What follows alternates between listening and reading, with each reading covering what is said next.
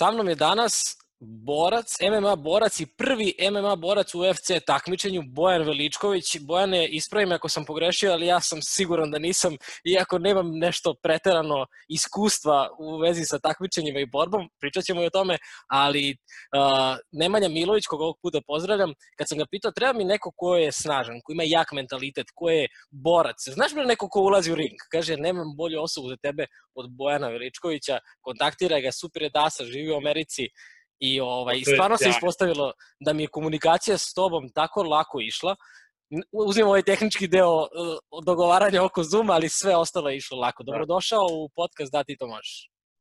Hvala puno. A, prvo, ovaj, divno si to rekao, ovaj, moram da te pohvalim a, i drago mi je što a, imam sagovornik, a, sagovornika koji je upućen a, u, da kažem, ovaj, u MMA sport i a, jako lepo si to rekao, a imao sam a, do sada jako ovaj zanimljiva iskustva po tom pitanju, a, tako da mi je jako drago što ne moram da te edukujem na samom početku i ispravljam. A druga stvar, a, a, hvala Nemanju Miloviću koji je ovaj divan mladić i ovaj a, neko koga ja jako puno volim i poštujem a, zato što a, da, aj kasnije ćemo pričati oko tome, ali o, stvarno fantastičan momak, a, veliki mi je uzor a, i konstantno me motiviše a, kada radim, mislim kada smo ovako daleko, kada, kada radimo zajedno a, čini me i boljim sportistom i boljim čovekom i jako sam mu zahvalan na tome. Tako da, eto, zahvaljujem mu se ovom prilikom. Da, ovo što si rekao, Nemanji, apsolutno se slažem. Ja sam njemu, bio kod mene gost već dva puta i poslednji put kad smo pričali javno, ovako, rekao sam mu stvarno da imam utisak kao da imam nekog starijeg brata koji brine o meni. Znaš? I ovaj, Apsolutno se slažem s tobom. I, znaš, koja je to u stvari, ovo sad ja pričam, i trebao mi je neki nutricionista za, gost, za gosta, da mi bude goste, znaš. I ja da. kažem, Nemanji, da li znaš nekog doktora sa kojim mogu da pričam ili nutricionistu sa kojim... Ne treba ti da... bolji doktor od njega. Ne, ne, slušaj, a on kaže, što, šta ti jesi dobro? ja kažem, ej, za podcast, i on kao, daj bre, reci mi to u prvoj rečenici, kao zabrinuo sam se, znaš? Da, da, da, da. I to je stvari, to što, što Ali to je što njega čini ovaj, veoma, veoma spe, specifičnim i meni jako dragim, ovaj, dragom osobom, jer se on stvarno brine za mislim, za ljude s kojima sarađuje i s kojima dolazi u kontakt, kontakt. A, i mislim da ga to čini ovaj drugačijim od drugih i zato ga izdvaja toliko iz a, ostale grupe personalnih trenera, nutricionista, da, da. savjetnika. Izuzetan je, izuzetan je. A, moram da ti priznam odmah na početku da čim, sam, čim je on to rekao, ja sam otišao na podcast, Way podcast koji vodi Nikola Radin i koga ovog puta pozdravljamo i ovaj, malo sam gledao tome u stvari, sve što sam ti rekao za MMA i to, tu sam tu naučio prvi put, da znaš. Da, da, da. Tako da, ali, uh, s obzirom da si dosta pričao vezano za borbe, pominjao si i svetska imena, iskustva iz borbe i tako dalje, kod Nikole Radina pozivam sve ljude koji sada ovo slušaju da, ukoliko ih zanima taj deo, definitivno odu i i zaprate ti Nikolu radi na ceo njegov profil, sve njegove snimke, sve njegove podcaste, izuzetne ljude dovodi i da obavezno odgleda tvoj, ali ti, ja, ja hoću danas da pričamo više o mentalitetu iza borbe, ne o samoj borbi, ne o samoj tehnici šta god da radiš, ali... Da, da, jasno mi je mene zanimaju neke druge stvari o kojima bih voleo da pričamo i ovaj, ovo je prvi put da sam spremio pitanja, da znaš. Zato što nisam siguran da li ću baš znati da, da te ispratim skroz, ali ajde da krenemo od nekoj samog, počet, samog početka otkud ti u borbama, ne u UFC-u, ne u MMA, to imam kasnije, ali otkud ti u borbama? Od kad je to krenulo? A, pa je ovako, a, znači, otprilike ce, celog života sam a, i eto da kažem, bio zainteresovan za borilačke veštine, a, da, da krenemo od, od filmova, ne znam, kad sam ja bio mali, bio jako popularan film, Američki ninja, a, ne znam da li, da li znaš. Ne znam. Jel misliš na komediju ili misliš na Američkog ninja?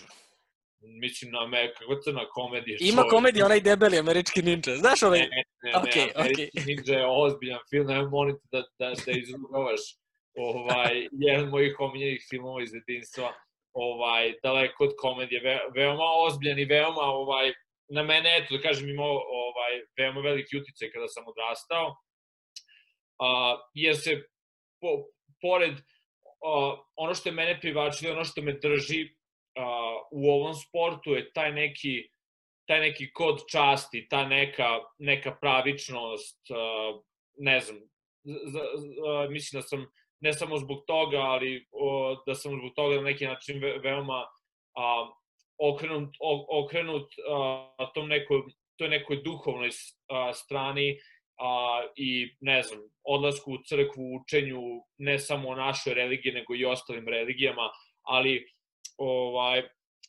da, a, znači, to je imalo veliki utjecaj na mene, a, onda a, dalje a, imao sam eto sreću da se da se moj tata kada sam bio mlađi bavio judom i karateom i onda da sam na neki način imao dodirne tačke a, kroz njega sa borilačkim svetom, a, onda se, a, sam pratio mog brata i krenuo sam na treniram judo kad sam imao 10 ili 11 godina i time sam se bavio par godina, pre sam postao a, ozbiljan tinejdžer, ludak, i onda me to sve okrenulo, onda sam prestao sam da treniram, vozio sam skateboard, a, bavio se breakdanceom jedno vreme, pokušavao sebe da pronađem kroz radne stvari, čak sam jedno vreme bio, ovaj, ne ponosim time, ali sam jedno vreme bio i huligan, išao na utakmice, a, a, pokušavao čak sebe i u tome da pronađem. I onda u četvrtoj godini srednje škole, mislim da, da je jedan od mojih drugova a, iz srednje škole, sada veliki prijatelj i trener uh, Zoran Bačulov koji drži uh, Viktori, Viktori Gym u Veterniku. Uh, on je išao sa mnom u školu, bio ista generacija u ekonomsku školu i uh, rekao mi da njegov brat otvara klub. Uh, sad, da, da, da ne širim puno tome, o tome sam baš pričao u podcastu sa Nikolom Radinom. A, krenuo sam da treniram od prvog dana u tom klubu a, i to mi je pomoglo da drastično promenim svoj život.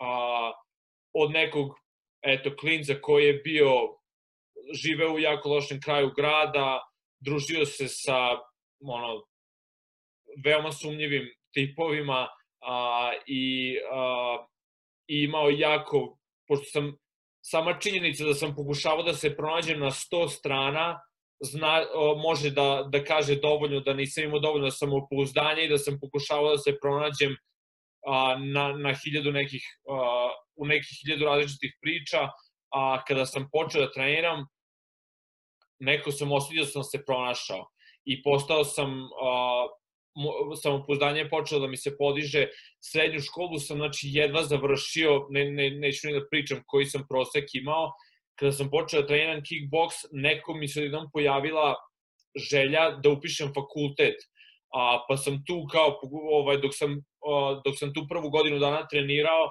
pokušavao sam da skupim što više informacija, šta mi je potrebno i šta bi trebao da učim da bi upisao fakultet.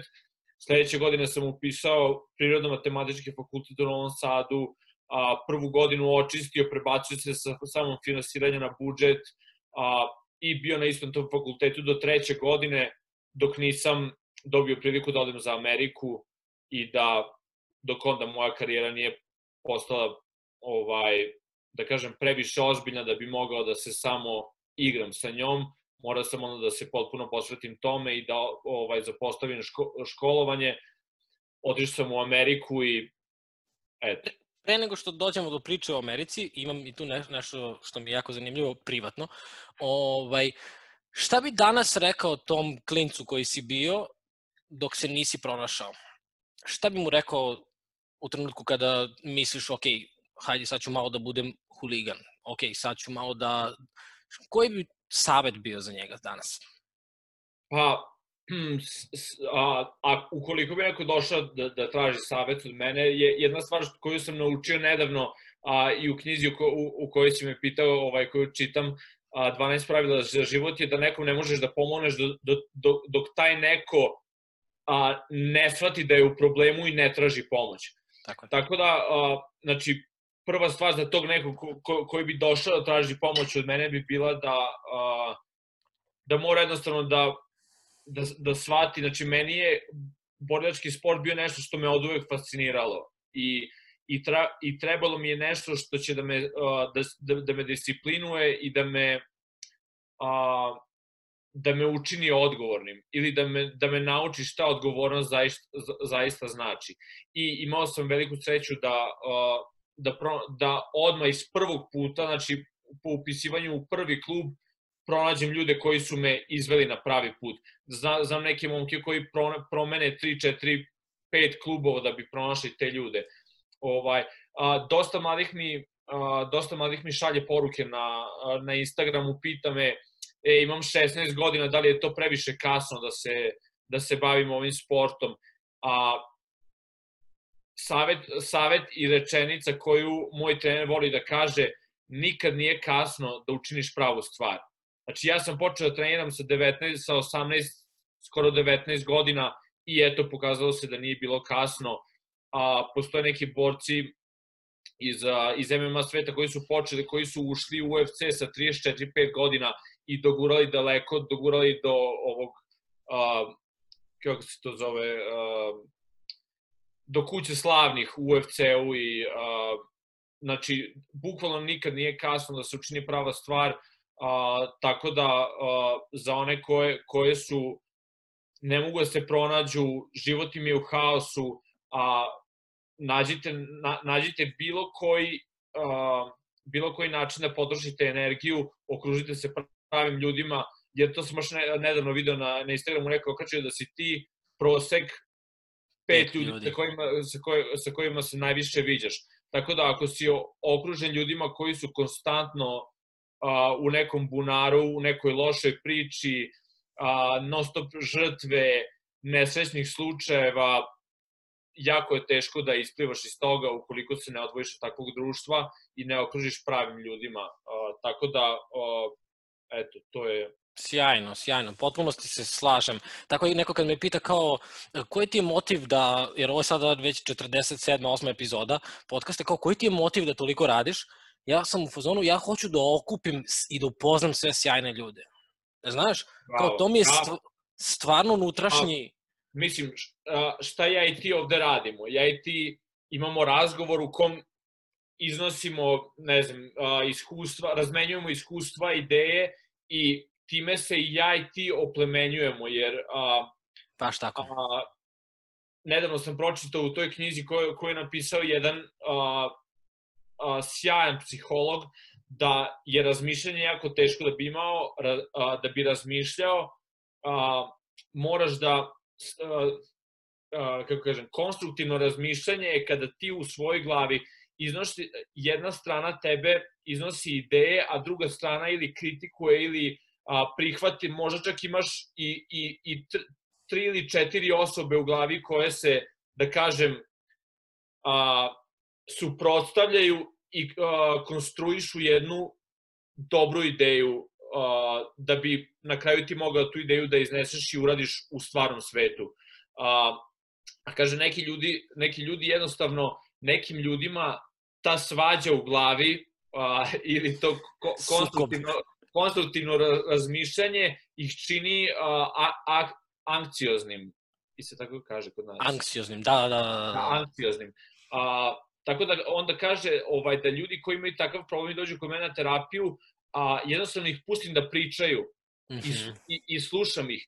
I to je a, odličan način da ti kroz razgovor sa nekim izneseš svoju ideju i čuješ povratnu informaciju. Znači, umesto da imaš dve osobe u tvojoj glavi koje se koje se, da kažem, svađaju ili uh, idu uh, le, levo-desno, pokušavaju da izgrade ideju, ja i ti to sad na neki način radimo. Tako da, uh, ukoliko se sastaješ svaki dan i pričaš sa uh, ozbiljnim uh, i ljudima koji su, da kažem, ostvareni u, ostvareni. Svoj, ostvareni u svom nekom biznisu, u sportu, bilo čemu, uh, jako to je jako dobro i za tebe, tako da ovaj, podržavam tvoje razmišljanje i tvoju ambiciju da, da u tome da, da, baš jeste stvarno. I baš si sad ovo lepo rekao, zato što ja osjećam koji je benefit, ne samo moj lično kao, ok, sada znam tebe kao poznanstvo, već sam taj razgovor kako utiče i kako kreira moje dalje razmišljanje, moje dalje misli, no, neke nove korake, neke nove postupke. Stvarno je, stvarno je privilegija i sa druge strane mnogo mi je drago što danas u 2020. ti možeš da budeš u Americi, ja u Srbiji i da ovaj razgovor može da vidi nekoliko hiljada ljudi uh, zaovek, dok god postoji ova društvena mreža. Da, da, da, to je, da, to je stvarno fantastično, ovaj, fantastičan izum ovog čovečanstva. Vidim da čitaš mnogo knjiga, bavit ćemo se kasnije, pitaću te za, za neke knjige. Tako isto bilo kad, smo, kad sam pričao sa Nemanjom i bukvalno je pet ili šest knjiga, ne znam da li si stigao do tog dela kad smo pričali. Ja vadim knjige, ok, čekaj, a, to je to, to je to. A, ne znam da li se tamo vidi, ali uglavnom da, ovaj, knjige, pričat ću, pitaću te i važnost knjiga i ovaj, samo sam početi pričam za Nemanje, Nemanje jednu knjigu ja izvadim, kažem, pročitao sam ovo i ispostavi se u stvari u istom trenutku čitamo jednu istu knjigu, znaš, a nije bilo dogovor, ja kažem, brate, ne znam da će nam verovati ljudi, baš je kao, znaš, kao pet od da. pet, ali kad se desi, desi se. Uh, otišao si u Ameriku sa koliko godina? A, prvi put sam, kada sam otišao u Ameriku, imao 22 godine, a, a da kažem, preselio sam i počeo da, da, počeo sam da živim ovde kada sam imao 23 ili 24 godine. I sada, s obzirom da sam ja neko ko je bio u, u Americi, moja supruga je iz Amerike, mi smo trenutno ovde, ali ćemo ovaj, otići iz Ameriku, vidjet ćemo šta i kako dalje u budućnosti, ali s obzirom da znam da nije kao bravo Bojane care, ti si uspeo jer si u Americi, znam da je kulturološka razlika i taj šok koji si verovatno doživeo bio nešto drugačiji od priče koju ovde u Srbiji imamo kada nismo nikada bili tamo, pa me zanima kako si se u stvari izborio sa svim tim drugačijim stvarima i kako si se uklopio u jedan potpuno drugačiji sistem. Za mene je najveći šok bio kada sam, se, kada sam došao u, u to naselje i kada nisam vidio živu osobu na ulici. I ja sam mislio da smo mi u nekom napuštenom naselju, onda sam prvo pomislio možda smo ovde, a da nam niko nije javio da treba da se evakuišemo. Stvarno, moja prva misao. A čekaj, gde si bio? Ja sam bio u Virginiji, ali smo mi živjeli u nekom naselju koji je na autoputu, ne znaš. A, I sad ne, da... sve mi je jasno. Ovaj, sad, i, ista situacija kod mene. Ovaj, na, na primer, uh, aj stvari ne, pustit ću te da završiš. Ne, i kažem ti, meni je za mene to bilo kao, šta se bre dešava, ne možeš da odeš do Walmarta, do prodavnice, možeš da sedneš u auto. Mi smo, jednom smo išli peške, ja i, pošto sam živio sa Kinez, ja i Crnac u sobi, znači kao neki vic, ovaj, ali stvarno, jednom prilikom ću ti pričati to iskustvo koje je fenomenalno. I jednom prilikom smo otišli peške do prodavnice i čovek nas zaustavio i rekao nam kao ljudi mogu da vam pišu kaznu zato što šetate ovim po travi gde ne smete da šetate, kao mora kolima. Da, da, da, da. Potpuno šokantno za mene u tom trenutku. Ali, kažem, to je opet mala stvar, ja sam bio četiri meseca, ali za tebe koji si tu došao da živiš, da treniraš, da gradiš karijeru, kako si prošao u stvari kroz te ogromne promene koje su Uf, kako sad, da, odakle da počnem? Pa recimo u dve, tri rečenice mi ovo kaže. Šalim se, šalim se, znam da ne može. Da, to će biti jako teško. Ne, šalim se, šalim se, šalim se. Da, da, da. da. A, Pa, znaš kako, a, prva stvar, ja sam bio, a, drugi put kada sam došao u Ameriku, bio sam pola godine. A, I onda sam se vratio u Srbiju i onda sam, se, onda sam ostao u Srbiji nekih godinu dana, pa sam se ponovo vratio i onda sam počeo da provodim 10-11 meseci u Americi i da se vraćam kući na mesec, dva preko leta. A, ono što mi je jako puno pomoglo, mm -hmm. prva stvar je a, razgovor koji sam imao sa mojim trenerom u to vreme, a, mislim, i dalje mi je trener, svaki put kad se vratim u Srbiju, treniram a, sa njim Bogdan Stojčić, koji mi je rekao moraš da odeš negde a, gde će ti a, u neko novo okruženje koje će ti biti a, kad se, a, koji će ti biti izazov. Znači, Aha. morat ćeš da odeš u novo, novo okruženje koji će ti biti izazov. Jer sam ja u to vreme a, u Srbiji a, osvojio onaj reality show, ne znam da li to znaš, da bio te neki reality show put ka vatrenom ringu. Ja sam tako, ja sam se tako i prebacio sa kickboksa a, na, na MMA. A, do, taj show do, do duše nije ni bitan, ali uglavnom bio je to show na, neko, na Happy TV-u, a, u kom je bilo 18 boraca iz Srbije, Bosne i Hrvatske. Mi smo se tamo nešto borili. Pobednik tog showa je dobio priliku da ode u Ameriku. To se desilo da sam na kraju bio ja. A, I onda, novi, ja sam živio u Novom Sadu, da, donekle mala sredina i ako se baviš nečim čime se ne bavi puno ljudi, jako, jako lako se to pročuje i zna se čime se baviš. I da kažem, glupo jako da kažem da sam bio zvezda, ali eto, u tom nekom krugu ljudi u, ko, u, ko, u kom sam se kretao, sam bio deciveli šampione, a, znaš, svi su me tretirali kao, kao da sam neka zvezda, ali to sam sva, kasnije shvatio da je to jako, jako velika iluzija i to je nešto sa čime mla, a, mladi borci, eto, kod nas mogu da se susretnu, ovaj, i eto, time bi bilo da im, o, mislim, da im sa ovom pričom kažem da ta priča, mislim da si ti kao neka faca, u bilo kom gradu živiš, Beogradu, Novom Sadu, u Somboru, a, da je, mislim, do, do god pobeđuješ, ti si, ti si fata, svi hoće da te vide, gde si šampione, kad ćemo na piće, kad ćemo na večeru, ajde izađi, izađi s nama u grad. I to te naduva u glavi, izgradiš neku iluziju da si mnogo velika faca. I onda sam došao u Ameriku i shvatio koliko sam ja u stvari nebitan lik. Znači, otišao sam u klub koji se zove American Top Team i koji je i tada bio i sada je jedna od najvećih i najboljih akademija za borilačke veštine na svetu. A, tamo, a, tamo u tom klubu trenira oko, oko 30, 40, 50 UFC boraca, a, onda ti, borci iz tih nekih drugih velikih organizacija koji su apsolutno ogroman pojam za organizacije naspram tada u to vreme organizacija u Evropi u kojima sam se ja borio. I meni je to bilo ono neverovatno prvo da sam okružen okružen takvim ljudima, znači ta ta činjenica mi je ono a, bila apsolutno neverovatna, do, ono šokiran sam bio kada sam se prvi prvi dan kada sam se pojavio i kada sam dobio priliku da treniram na primer sa Hectorom Lombardom koji je ne znam, kao u košarci da dobiješ priliku treniraš sa Kobe Bryantom i koji me je izmlatio prvi dan, ali mi je to bilo neverovatno neverovatno iskustvo, jer sam shvatio koliko sam ja u stvari ono koraka, koliko u stvari zaostajem i koliko je ta neka iluzija koju sam izgradio u svojoj glavi da sam ja neki veliki šampion u Srbiji, koliko je to u stvari bilo nebitno i, kol, i to mi je dalo uh, dalo sliku u budućnosti ovaj, vratilo me u realnost i shvatio sam koliko u stvari ću morati vremena da provedem da radim da bi došao na taj nivo. Ali sam, mhm. reci, pitaj me. Slobodno. Izvini, izvini, sad, kad pričaš sad vreme, sad razmišljam, ali uh, mislim, to je logično zato što si u Srbiji bio u nekom malom krugu i tvoja perspektiva je imala granicu, imala je ovaj zid, ali čim si izašao i kad si vidio da si u stvari bio u jednoj sobi, a da postoji čitav grad, Da. Znaš, ali da nisi bio u ovoj sobi najjači, ne bi mi u gradu, ne bi došao do grada. Da, ta, tačno tako. Znači, ne, može, ne, ne mogu da se preskrču ko, koraci. Tako je, uh, tako da, je. Uh, ali, eto, mislim, uh, našao sam se u toj, uh, da kažem, do, uh, dobroj sredini uh, i, mislim, tu sam eto na kraju proveo uh, proveo 3, 4, 5 godina dok nisam zaista došao do, do tog UFC-a uh, i isplatila se kao dobra investicija, ali sam na tom putu nisam samo trenirao i družio se sa zvezdama i, i stigao do UFC-a.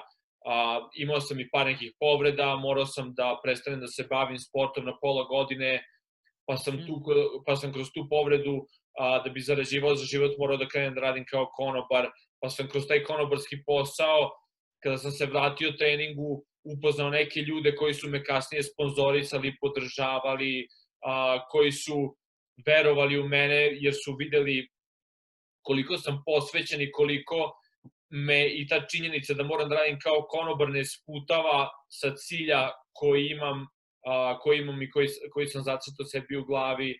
A, I eto, mislim, ovaj, mogu da kažem stvarno da sam bio, eto, da sam imao neku ludačku sreću, da, da, da budem okružen a, dobrim ljudima.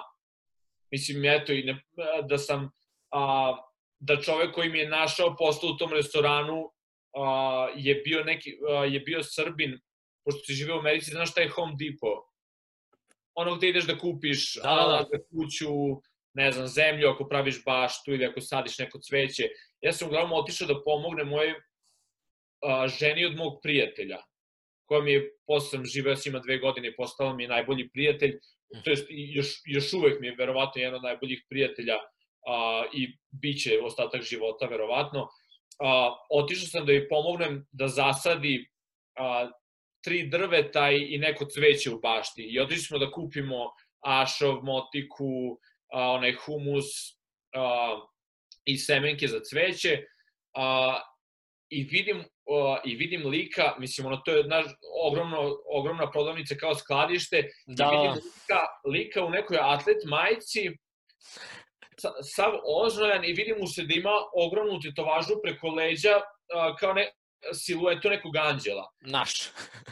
Da, a mislim, mo, moglo bi da, da, da asocira na, na nekog našeg tipa, ali iznad tetovaža mu ovaj, stoji natpis love ili ljubav, što je onako malo ne, ne, ne bi bilo uobičajeno baš za, za našeg nekog tipa da ima anđela i lav, na, ljubav na leđima, ali ovaj samo sam i prokomentarisao njoj, rekao, a, rekao, ovo mi se čini kao ove, o, interesantan lik, ima interesantnu tetovažu. Izlazimo napolje i stoji, o, idemo prema našim kolima, pre, prema parkingu, prvi, a, prvi a, kamion ili kombi koji je parkiran, a, situ, silueta istog tog anđela i piše Art Studio Prodanović. To je Prodanović. Ja pomislim, rekao, rekao, to onaj lik? I okrenem se prema, i vidim njega izlazi sa kolicima.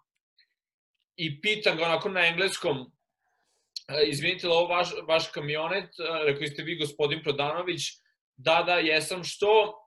I ja mu kažem, ja sam, jednom se prebacim na srpski, kažem, ja sam uh, Bojan Veličković, a, ti si naš klinac, ćao, šta radiš, otkud ti ovde, čime se baviš, šta radiš?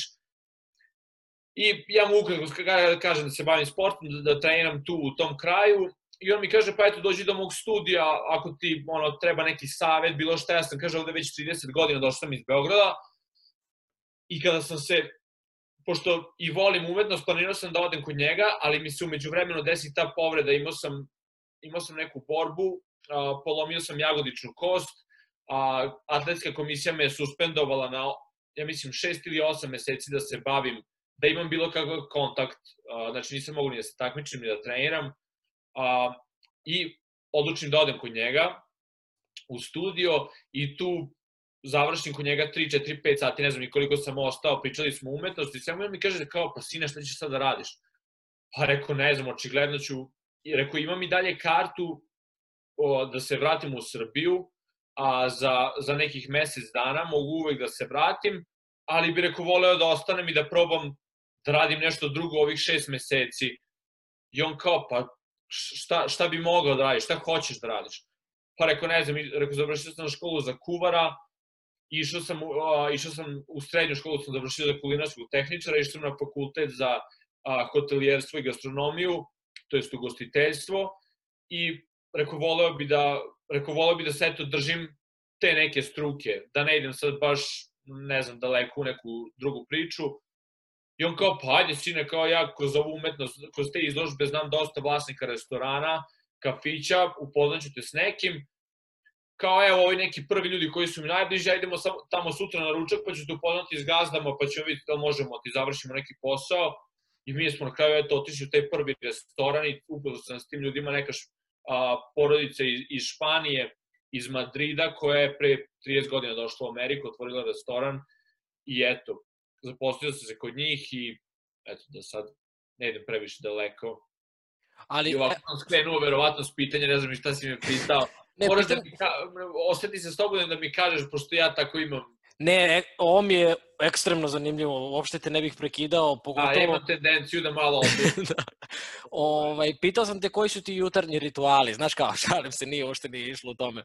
Ovaj, da. a, fenomenalno mi je ovo što pričaš, zato što uh, jedno od glavnih pitanja, u stvari jedan od glavnih razloga zašto sam hteo da pričam sa tobom je taj mentalitet borca i ja sam mislio da ćemo tu priču krenuti kada budemo pričali u, u odlasku u ring, e, pripreme za tren, pripreme za takmičenje i tako dalje, ali taj tvoj mentalitet borca u stvari kreće iz toga da, da si šampion u Srbiji koji odlazi u Ameriku i bez premca kaže ok, konobarisat ću šest meseci jer ne mogu da treniram. I tu se u stvari odgleda, mislim, ja, ja sam recimo konobarisao kao klinac, ono vikendima u srednjoj školi, ceo letnji raspust sam konobarisao, promenio nekoliko restorana, kafića za, za to vreme i znam, ja sam sad ne bih vratio na konobarisanje, mislim da je to poslednja stvar koju bih uradio, mislim, konobarisam u nekim klubovima. Kao ne mogu da, da. zamislim da treba da, da dođem u 12 i do 5 ujutru da, da služim vodke, džus i ostalo. Da, da. I kao, stvarno, stvarno. Da, da, da, jasno mi je, zato mi je smešno. Zato Prošle što, godine me drug zamolio na nekom splavu, im se zabo, razboleo neki radnik i bukvalno me zove u 10 uveče i kaže molim te sedi u auto i dođi da, da odradiš smenu, kao nemam koga da zovem stvarno, kao, znaš. Ja kao, brate, nisam konobarisao tri godine. Kao, ne, ne, ne, ajde samo upade, nemoj da brineš.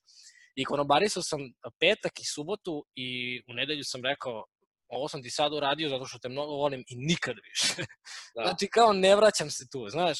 I sad kad sam slušao tebe razmišljam baš taj mentalitet borca. Znaš koliko bi ljudi u stvari došlo tu gde si ti došao, povredilo bi se, vratilo bi se kući i reklo bi klasična sportski izgovor, povreda kolena, povreda... Me razumeš kao? To se, ja znam 10 ljudi sada koji imaju 53 godine bili su talentovani, samo nisu imali taj moment volje kad su se povredili ili šta god. E me razumeš? U kom da, pravcu idem? Da. I zato da, si, ne, zato si uspeo. Apsolutno znam o, o, o, o čemu pričaš, zato i samo kliman glavom, neću da te prekidam, a, jer, jer se apsolutno slažem sa, sa time što govoriš.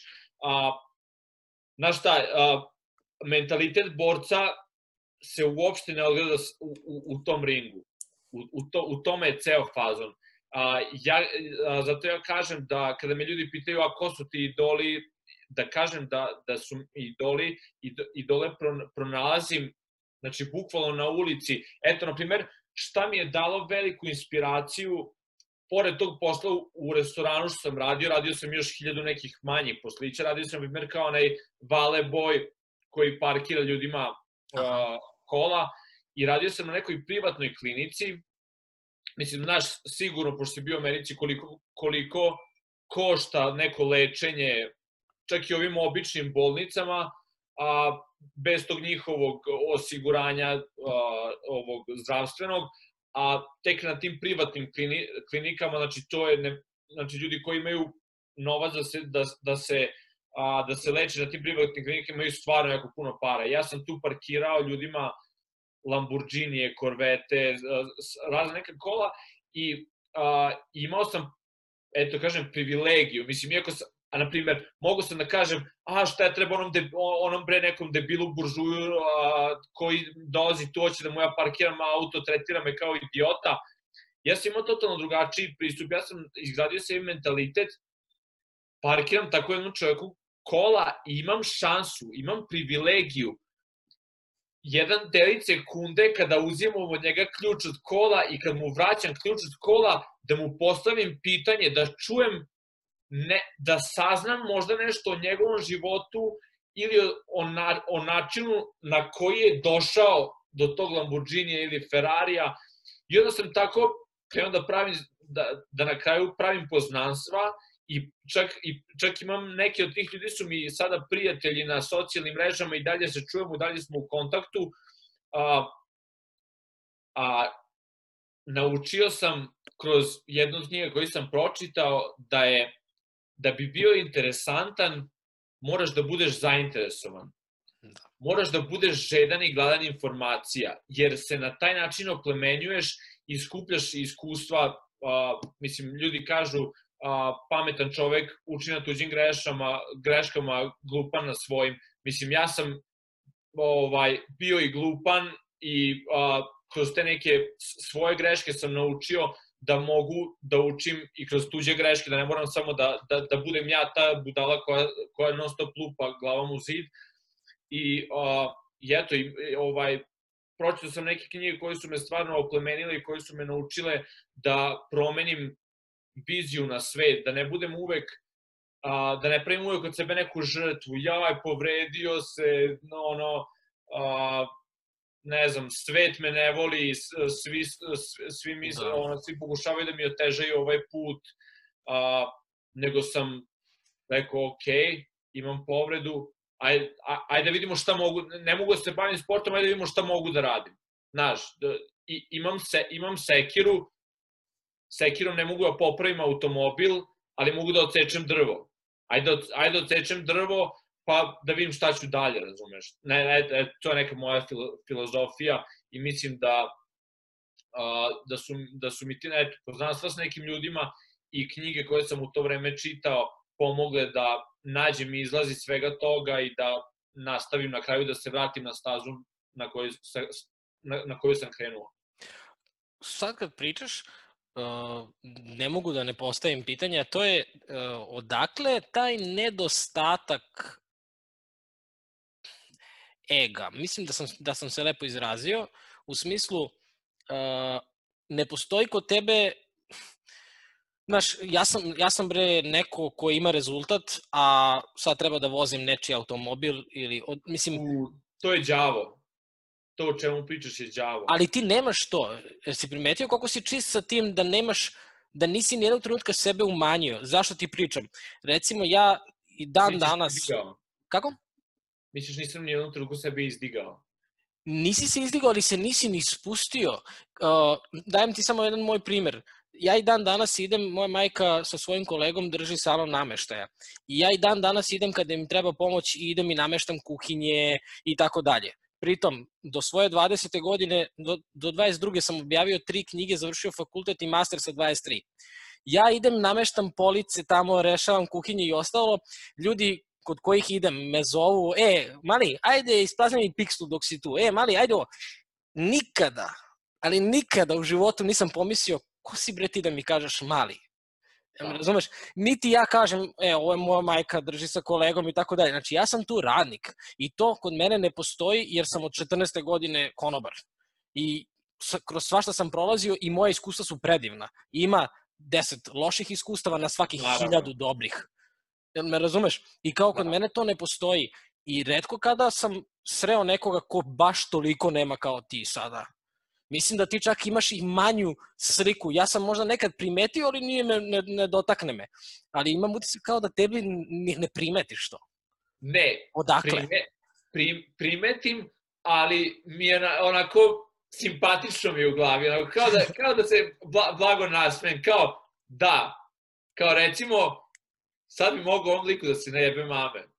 Ali, ne, zanimljivo mi je, jer, ovaj, jer to baš kad se a, kad, da kažem, kad, kad skinaš tu masku a, i kad u stvari se predstaviš i samo zapažaš stvari, znači, a, trudim, se, trudim se da ne sudim ljudima, a, to je nek, to je mislim nešto što sam usvojio time što sam otišao i što sam upoznao to, toliko dru, a, drugih ljudi, a, drugih a, vera, nacija, a, i mislim nekad sam ono bio ja nedavno mi je neki klinac, izvinim se što, što mi je ovo mhm. sad došlo u glavu, ali uh, pred jedan meč sam bio, otišao sam, uh, volim da odem u neku, u neku vrstu uh, duhovnog uh, ili spiritualnog mesta pred, pred borbu. Naprimer, kada sam se borio u Štokholmu, otišao sam u neku katedralu, katoličku katedralu koja je izgrađena u 14. ili 13. veku. A, imao sam borbu u Washington DC-u i pogledao sam a, koje crkve, katedrale imam, imam u svom okruženju. Vidio sam da ima neka a, katedrala Svetog Mateja ili ti St. Matthews, a od mojih tih prijatelja sa kojima sam živao dve godine, njihov sin se zove Matthew. I to mi je nekako, sam povezao kao da, da bi moglo da bude ne znam, našao neku simboliku u tome i odlučio sam da odem tamo. I eto, pošto svi živimo na jebenim telefonima, kao slikao sam screenshot katedrale i okačio odlazak u crkvu pred borbu. I neki naš klinac mi kači kakav, kako, kao, kako te nije sramota da se nazivaš Srbinom i pravoslavcem, ideš u katoličku crkvu, u fazonu sramota da te bude. I samo se onako blago nasmem i sad bi mogo da, da uđem, a, pošto sam jako puno vremena proveo u Srbiji i u manastiru i ovde mi je jedan od najbližih prijatelja u Denveru, a, pop iz naše parohije ovde iz Kolorada, ovaj, mogu bi da uđem da si imao u teološku, ozbiljnu teološku raspravu, ali sam ga pustio, rekao sam mu, sine, Bog je, a, znači nije, nije bito te, ovaj, da li je Bog, da li je Allah, da li je, da li je Buda, ja, po meni Bog je ljubav i ako kažemo da je Bog vrhunac neke planine ili, ili piramide, mislim da su Biblija, Kuran a, i sve te knjige samo putokazi kako da se dođe do te ljubavi, to je do vrha te planine. A imamo i ateiste, na primjer, poznam neke ateiste koji su mnogo bolji ljudi nego neki najveći vernici ovaj, koje znam ili neki ljudi koji imaju istetovirane patrijarhe i manastire po sebi, a valjaju drogu u isto vreme. A, znači, a, nije uopšte bitno, sa, svi biramo svoj, ne, svoj neki put i a, ja sam srećan što sam kroz taj svoj put a, na putu ka ljubavi ne mogu, ne mogu da kažem da sam potpuno spo, ovaj provalio taj put i stigao do vrha, do vrha planine, to je do, do, do čiste i bezuslovne ljubavi, ali se trudim i nastojim da, da ostanem na tom putu i da sebe oslobodim sumnje u druge ljude i da, a, a, da krivim ljude dobro, loše, zlo, dobro. A, trudim se da budem da budem priz, a, prizeman i da otvorim oči da, da, da ovaj da otvorim oči da prihvatim a, poruke koje mi Bog, da bi mogao da, da, da, da provališ znakove pored puta ili ovaj poklone, znakove koje nam Bog šalje, moraš da otvoriš oči široko. A, mislim, onaj, a, ako si gledao film a, uh, Pursuit of Happiness sa Will Smithom i njegovim sinom. Sin njegov, aha. Da, kad kaže onaj vic, a, da je bio lik kom je potonuo brod i davi se Samac i moli Boga, a, a spasi me Bože, dođem u brod i on mu kaže, um, e, kao evo ti poziv za spasavanje, ne, ne, ne, mene će Bog spasiti, prođe taj brod, Bože spasi me, Bože spasi me, dođe drugi brod i on kao, ne, ne, ne, mene će Bog spasiti, na kraju umre, ode kod Boga, kao, prošto me nisi spasio, pa kao budalo, poslao sam ti dva broda, ti nisi prihvatio. da. Kada, kada se, ljudi kad kažu kao, da, kao ti stvarno veruješ u Boga, kao majke ti i u te, i u te, te priče. Ako ne veruješ, mislim, ne, ne veruješ u Boga ili u, ili, u, ili u bilo koju višu silu koja postoji iznad nas, mislim da si onda jako, mislim da onda, a, mislim ne, ne kažem da si to ti, ali ako si ti taj neko koji sluša a, ovu priču i ako misliš da, da, da nijedna viša sila ne postoji, onda mislim da si ili jako naivan ili da si, ne znam, a, da živiš u jako, velikom, u jako velikoj zabludi. A, jer se meni bar eto, na ovom mom putu koji eto, traje već nekih 7-8 godina se desilo da su mi pomogli ljudi od kojih sam najmanje očekivao i, i nadao se i, i dalje, na primjer dan danas a, sada jedan od glavnih mojih trenera, pošto u, u timu u kom treniram, znači ne, nema veze sa sportom, u timu u kom treniram a, ima sedam trenera a, ja kao profesionalni borac mogu da izaberem tri trenera koji putuju sa mnom i koji me prate i koji mi najviše pomažu. Znači, koji me ono kritikuju posle treninga, je, treba da promeniš to, to, to i to. I uglavnom ja sam imao tu neku svoju ekipu tri trenera. Ali glavni trener, znači od tih 7 trenera imamo jednog trenera koji je kao glavni trener ili tijel prezidente, a s njime sam imao najlošiji odnos od svih trenera. Znači, bukvalno smo se non stop uh, non stop udarali glavama i izbegavao sam da idem na njegove treninge. Jedan dan ležim kući, treba sad da idem na njegov trening, na trening i kao, jo, ne da mi se ne ide na trening kod ovog idiota. I onda rekao, aj, treba da progutam svoj ego, što si pričao, i da, i da odem na trening, ko zna šta mogu da naučim. Nije za džabe on a, što, je, što mi je rekao moj tata, pa nije, on ti je tu glavni trener, on ti u principu tata tamo gde si ti sada. Znači, tamo nemaš mene, ako ti on glavni trener, a tamo si zbog treninga, znači da ti u principu on ćale tamo. Idi, možda naučiš nešto. I odem na trening i on posle, pre svakog i posle svakog treninga održi neki mali govor, kao neki motivacijni govor. I on je u tom trenutku, ja sam u tom trenutku, mislim, ležao sam kući i bio ono, neraspoložen zato što mi u tom trenutku život bio u nekom haosu, a odlazim na trening, odradim trening, trening bio super, posle treninga on održi 5 minuta govor.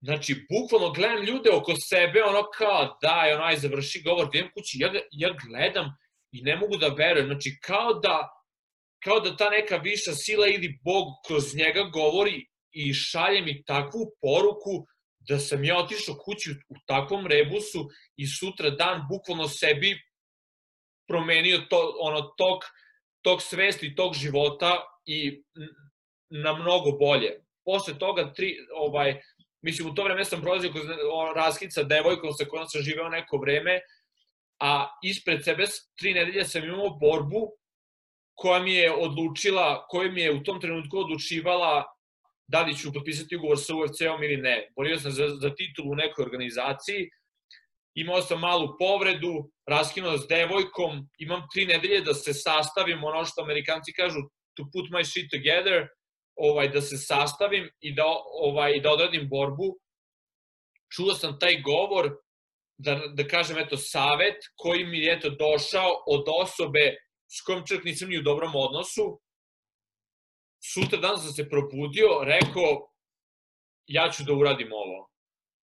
A, o, o, od tog dana nisam propustio ni jedan trening, osvojio titulu, posle tri dana me zove menadžer, potpisali smo ugovor s UFC-om, ti si prvi Srbin koji je ušao u UFC. E, e, eto, eto koliko, zašto imam, eto, zašto je to neko moje mišljenje, znači ako, ako se neko pita što si budala da veruješ, u Boga ili što si budala da, ne znam, ideš u crkvu, da čitaš te knjige, zato sam budala. Zato što, eto, zato što je ta budala poslušala savet ne, ne, neke budale, da kažeš, ali da nisam imao, ovaj, da kažem, taj a, širok a, pogled na svet, verovatno ne bi to ne bi to primetio, nego bi bio, a pazi, ovu budalu, šta, kakve gluposti priča i verovatno ne bi to usvojio i verovatno bi došao za tri nedelje dobio batine i ko zna gde bi, gde bi sad bio.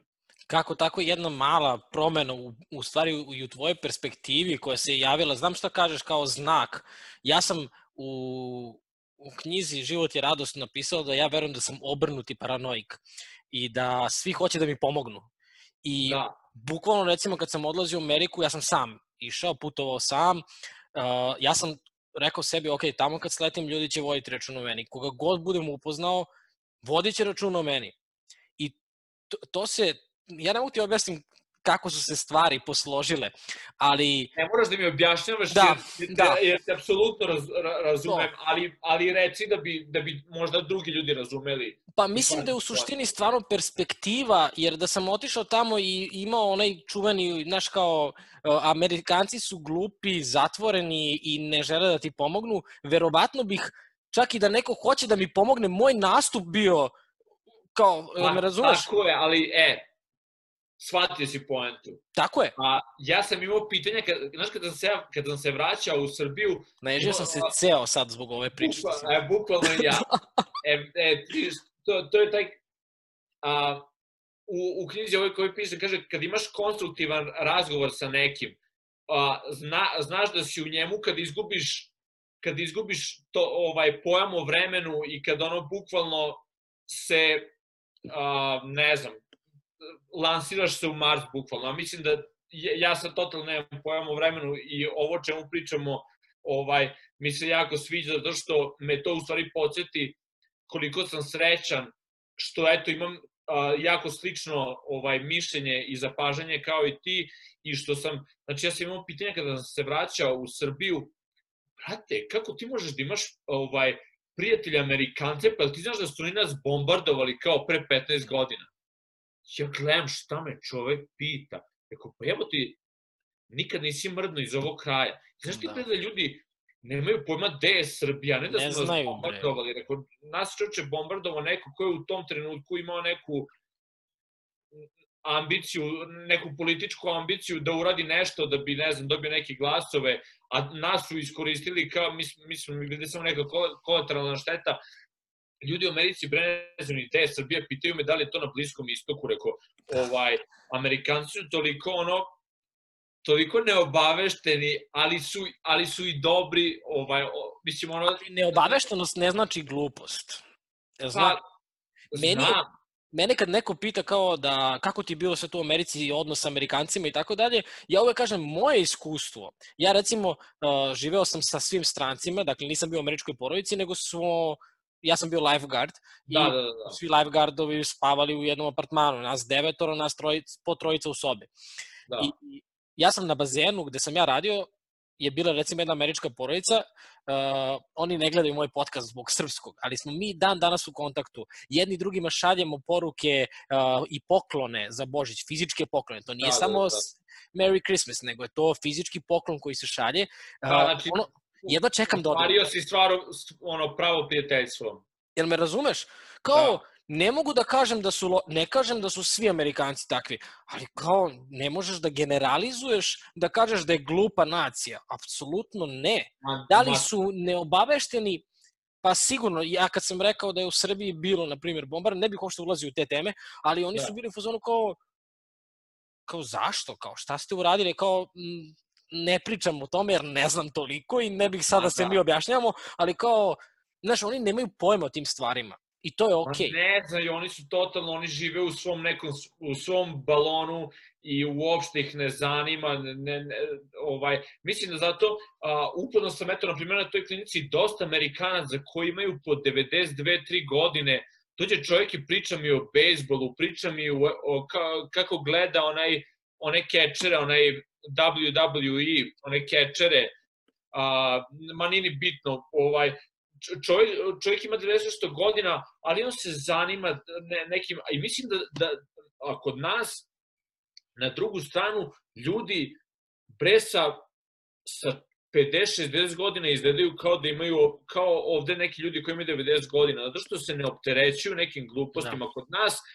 kod nas svako, svako je pametniji od Vučića, svako zna, ono, z, z, a, odeš da popraviš auto, On zna ovaj nema pojma, mislim, ono, znaš bolje posao od mehaničara, bio bi bolji predsednik od, od predsednika koji je sada na vlasti, da, da tebe postave. Svako zna sve i svako brine tuđu brigu. brigu. Ja sam, ovaj, mislim da sam na neki način uspeo, a nisam ja ne znam šta ostvario, ali mislim da sam eto dobar u tome što radim, zato što se zanimam sobom. Mhm. znači, pro, probudim se, eto, što sam se čuo, ne znam koliko kod tebe bilo, kod mene je bilo 8-9 ujutru, ja se probudio i kao jebi ga nemam trening, šta ću, ajde, ajde, da, či, ajde da- vidim kako ću danas sebe da učinim boljim čovekom. Mislim, evo, to mi piše vamo na, na tabli, kao jedan od zadataka, svaki dan pokušaj sebe da unapravi, a to mi Nemanja Milović par puta rekao, svaki dan gledaj da naučiš nešto novo, svaki dan gledaj da sebe oplemeniš u nekom smislu. Predivno. I, I to mi je neka, ne znam, eto, to mi je neki, neki moto i to je nešto što mislim da, ovaj, da gledam svoje posle i da učim, mislim da mi je to nešto što a, bi svako od, na, od naših ljudi mogao da, da stigne daleko, da se toga drži. Bar, bar kad bi se malo smanjilo bri, briga Pa tuđih briga. Manje, ne možeš manje, to, pa to je što to ili potpuno isključiš Aha, ili- ban kontrole. me- Meni jedin, jedna od stvari koja je pomogla je što sam pre to 3-4 godine kad sam se preselio ovde pet, sad već ima pet, a čitao sam, na primjer, imao sam sve one aplikacije, Kurir, Blitz, otvorim aplikaciju, o, predsjednik Zajev, neću ni da govorim više, Da, da. predsjednik, ovaj Zajebo ovo, a, KP ubio, ovaj, ubio ženu i dete pa sebe, a, sa, sa lovačkom puškom ubio komšiju. Ja gledam šta je bre ovo čoveče. Pa ovaj, ima dosta naših ljudi koji ovde upoznam, ovaj, kojima ono, kad me pitaju, ja pitam ka- kad si bio zadnji put u Srbiji, kao bio sam pre 10 godina. Je rekao, pošto ne ideš uopšte, ma šta ću tamo, kao, ti vidiš šta se tamo dešava. Ovaj, znači, ljudi gledaju te vesti i kao, ma beži, kakva crna Srbija, dobro mi je ovde gde sam. A ja od, odem u Srbiju i povedem trenere moje odavde iz Amerike, već su bili dva ili tri puta i svaki put se zaljube u Srbiju. Da, da. Koliko je ovde lepo, kad su, bili, kad su došli u Beograd, kaže, pa ovo čoveče kao da si na Manhattanu, kao pogled ljude, pogled, pogled kulturu, pogled kako se oblače lepo ljudi. Znaš, kad sam ih doveo i otišli smo bili negde na večeru, petak je bio, a ovde Amerikanci ne brinu previše o svom, ono, ne, ne šminkaju se nešto previše i ne znam, oblače nešto, ono, išli smo u petak negde na večer u neki restoran i ono treneri obukli trenerke. Da, da, i, čarape na, ča, na, čarape na papuče, to kad vidim. Da, to. da, da, da. I, ovaj, I odlazimo, ono svi u restoranu lepo, naš ono, košulje, ne znam, modela. I oni kao, kao sad konačno kon, kao kapiramo, svi smo ono kao, kao pogledaj Bojana, znaš, što se ono oblači, što se, ovaj, u, u principu što bi naši ljudi rekli što se proserava, ovaj, što se ovaj, licka non stop, kao sad razumemo zašto, znači ono, bukvalno drugačija kultura i sada ovaj te, taj najbliži trener koji je bio svaki put sa mnom Sean, ovaj, i ovde kad izlazimo u grad, otišao je, kad se vratio tada iz Srbije, otišao je kod krojača i sašio tri, ono kao custom suit, ovaj, znači tri odela baš pravljeno po njegovoj meri, a, sa, ne znam, nekim, a, nekim šarama, a, baš je, to, totalno ga je promenilo, znači totalno ga je promenilo i da kažeš oplemenio. Odlazak. A naši ljudi odavde koji prate te gluposti, ovaj, kao model, što ću da idem tamo, znaš što se tamo dešava. Uh, da. Ja zato nemam nikakve aplikacije, ne, ne gledam vesti i to je stvarno kao nikada u životu nisam kupio novine, nikada nisam instalirao nijednu aplikaciju, baš zbog ovih stvari što pričaš, ali ja sam imao sreću da meni to kažu. Znači nisam prošao kroz to pa znam šta je, ali da. imam mentora o, već pet godina od kog sam učio te stvari.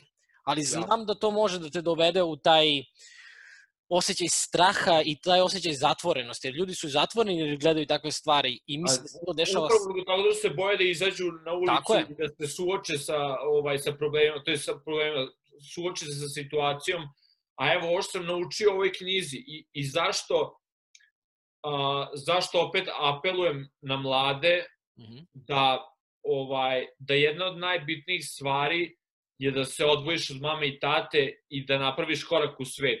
Nebitno da li će živeti u istom gradu ili u drugom gradu, očigledno je nekim ljudima suđeno da, da odu i da se negde drugde pronađu, a nekima da ostanu tu gde su, ovaj, ali a, a, naučio sam ga za učeći psihologiju, da kada se suočimo a, sa situacijom, sa nepoznatom situacijom, znači na, nađemo se u nekom, ono, u nekom problemu, i nađemo izlaze iz tog problema. Nebitno da li je ono neki, neki mali problem, ne znam, najđeš na, na rupu na putu pa je zaobiđeš ili, ovaj, ili imaš neki ozbiljan matematički problem, a, a, bitno je da kada rešiš taj problem, je znači a, naučno dokazano da ti mozak i telo luči šest novih proteina, aminokiselina, i da konstruktuje novi, potpuno novi DNK u tvojim ćelijama.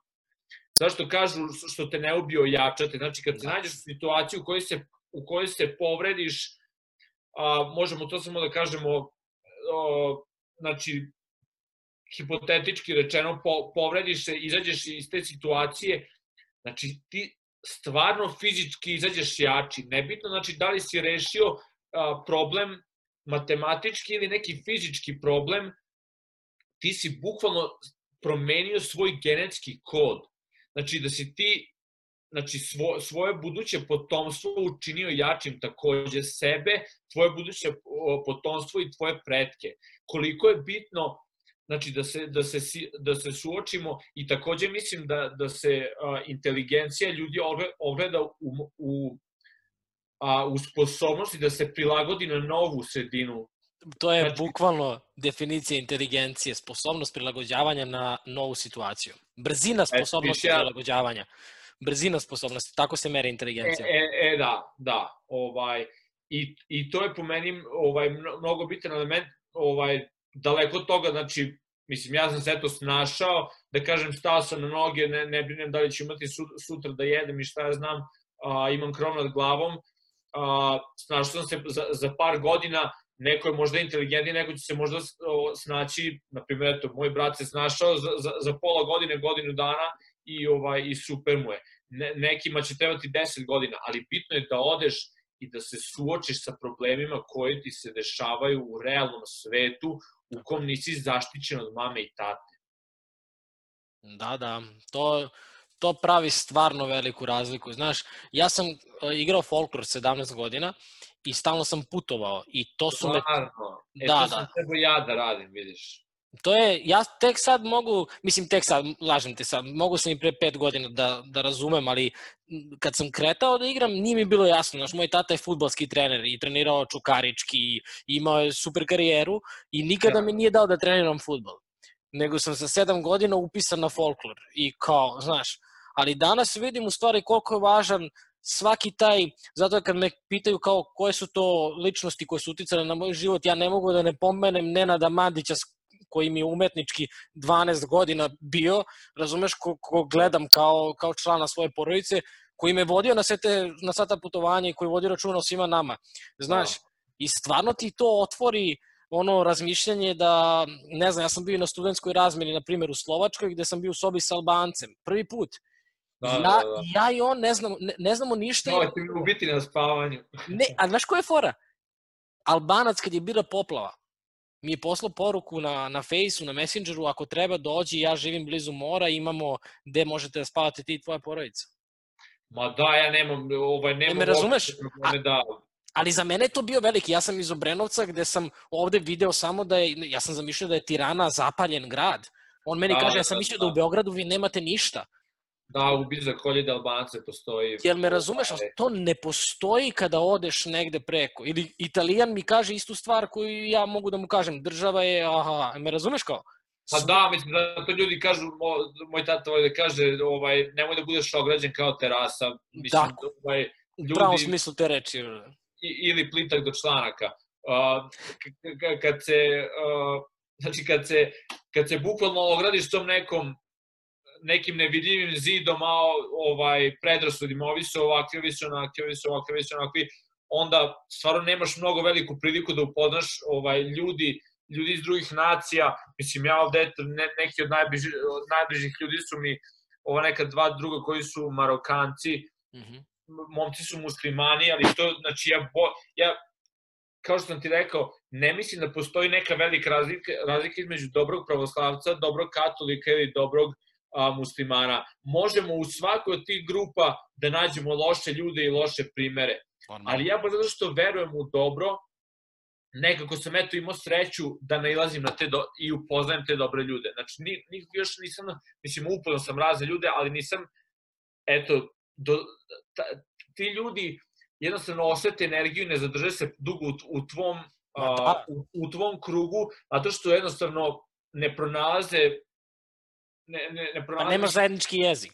Da, da, da, da. Mislim, ovo je, ti pričamo, ne znam koliko već dugo, zato što a, pričamo o sličnim stvarima i kapiramo se i nekako ovaj, obojice izvlačimo neke dobre zaključke iz, iz ovog razgovora. A ti kada pričaš s nekim s kojima nemaš ni jednu, neko bi ti rekao, što ti lupaš bre, kakvi bre albanci bre, treba ih sve da. pobiti, verovatno ne bih drugo pričao s njim. Ma ne bih da. ni ulazio u, u ovakav razgovor, znaš. Da ali sad ovo kad kažeš, samo, samo me podsjeća, znači scena sa moje svadbe gde, gde nam je došlo isto sam, na toj studentskoj razmeni je bio jedan Turčin, Sedate, znaš. Da. I sad ja sam bi, išao kod Sedata u Tursku, u Istanbul, bio njegov gost u kući 10 dana, da, da. on došao kod mene, došao na svadbu i kaže I'm back, kao, znaš, kao Turčin, ono što je, da, da, da, da. ja, što je to bilo, znaš ovo? Da, no, je to, e, me, me se, na primjer, sviđa takav humor Iako Tako bi, je. Neko mogo, iako bi sad neko tu mogao da se naljuti, Ma, kao šta ti bre, o, naš... Da, da, da, Ma, trunke to, zla nema u njemu, trunke zla. Meni je to totalno simpatično. Da, da. Čoveče, da se vratimo ti i ja na temu mentaliteta borca i ono što mene zanima Pa, za... pusti borce, čoveče. Znaš ti da sam ja majke, ovaj, ovo, ovo, ovo je živa istina. Ovaj, ja sam kao mali gledao sa dedom, a, moj deda je imao strašnu kolekciju filmova na kasetama i gledali smo, ne znam, a, jedan od omiljenih filmova s kojim sam gledao, s njim verovatno sam gledao 20 puta je Tarzan bio. Ali onaj Tarzan iz, a, da li 60, 70 i neke, a, da li se, a, zaboravim sam koji je glavni glumac. Uglavnom, od ovih sam volao da gledam i ono prirodnu geografiju a, i a, od ovih sam volao da putujem. I meni je deda rekao još kad sam bio mali, izgledao alhemičara. Ja sam gledao ili čitao? čitao, čitao. Čitao sam pre možda četiri godine. Ma da, ne, znaš, na početku do ovo, ta, kada on kaže tati da neće da bude svešten i da hoće da putuje, Putuje, svetom i kaže, ja nemam para da ti dam, imam para dovoljno da ti dam da kupiš nekoliko ovaca i da budeš čoban, kao jer čobani putuju svetom.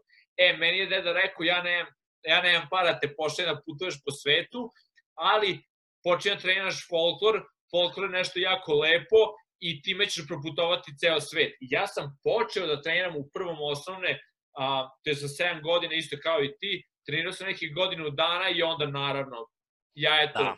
moj znam. tata nije bio futbalski trener, ovaj, pa mi nije zabranio, ali a, moja mama je veliki futbalski fan, da kažem, i ona me, o, mama me upisala u FK Vojvodinu, posle trenirao i FK Novom Sadu i šta ja znam, ovaj, no, nebitno, a, eto, ja sam za malo završio na istom putu kao ti, a eto, skrenuo sam s tog puta, ali sam kroz neke druge, kroz neku drugu stranu opet proputao svet i ovaj, da. Mnogo važna stvar, mnogo. Mislim, i to se, zato, i, zato mi lako, zato nam je lako u stvari da komuniciramo, jer naš široko je kad vidiš dosta stvari, kad upoznaš Da. druge ljude, druge kulture. Mislim, feno. Ali pazi, sve ima svoj razlog, tako da, Da. nema da se kaješ za... Da, nema nikako. Uh, no, ovaj, ajde da sad da se vratimo ajde sad da se vratimo na te borbe kao... Kaži mi, sad ne znam ni kako bih vratio priču, zato što mi sad, uopšte nisam planirao. Ovo mi se desilo i prvi put sa Nemanjom u podcastu, gde smo se dogovorili da pričamo o treningu. I ni jednom nismo pomenuli trening, osim kad smo se dogovorili da ćemo sledeću epizodu snimiti o treningu. to je, tu je Da. reč trening pomenuta. Ovaj, ali, ajde, možemo se vratimo postepeno. Uh, knjige koje bi izdvojio. Uh, sad čitaš 12 pravila života od Jordana Petersona, čitaš prvi put ili drugi put? Prvi put je čitam, I? uh, prvi put je čitam, ali, znači, pre nego što sam krenuo da čitam, ili, ili pratiš Joe Rogana? Ja sam gledao njegovu epizodu ono, od dva i po sata.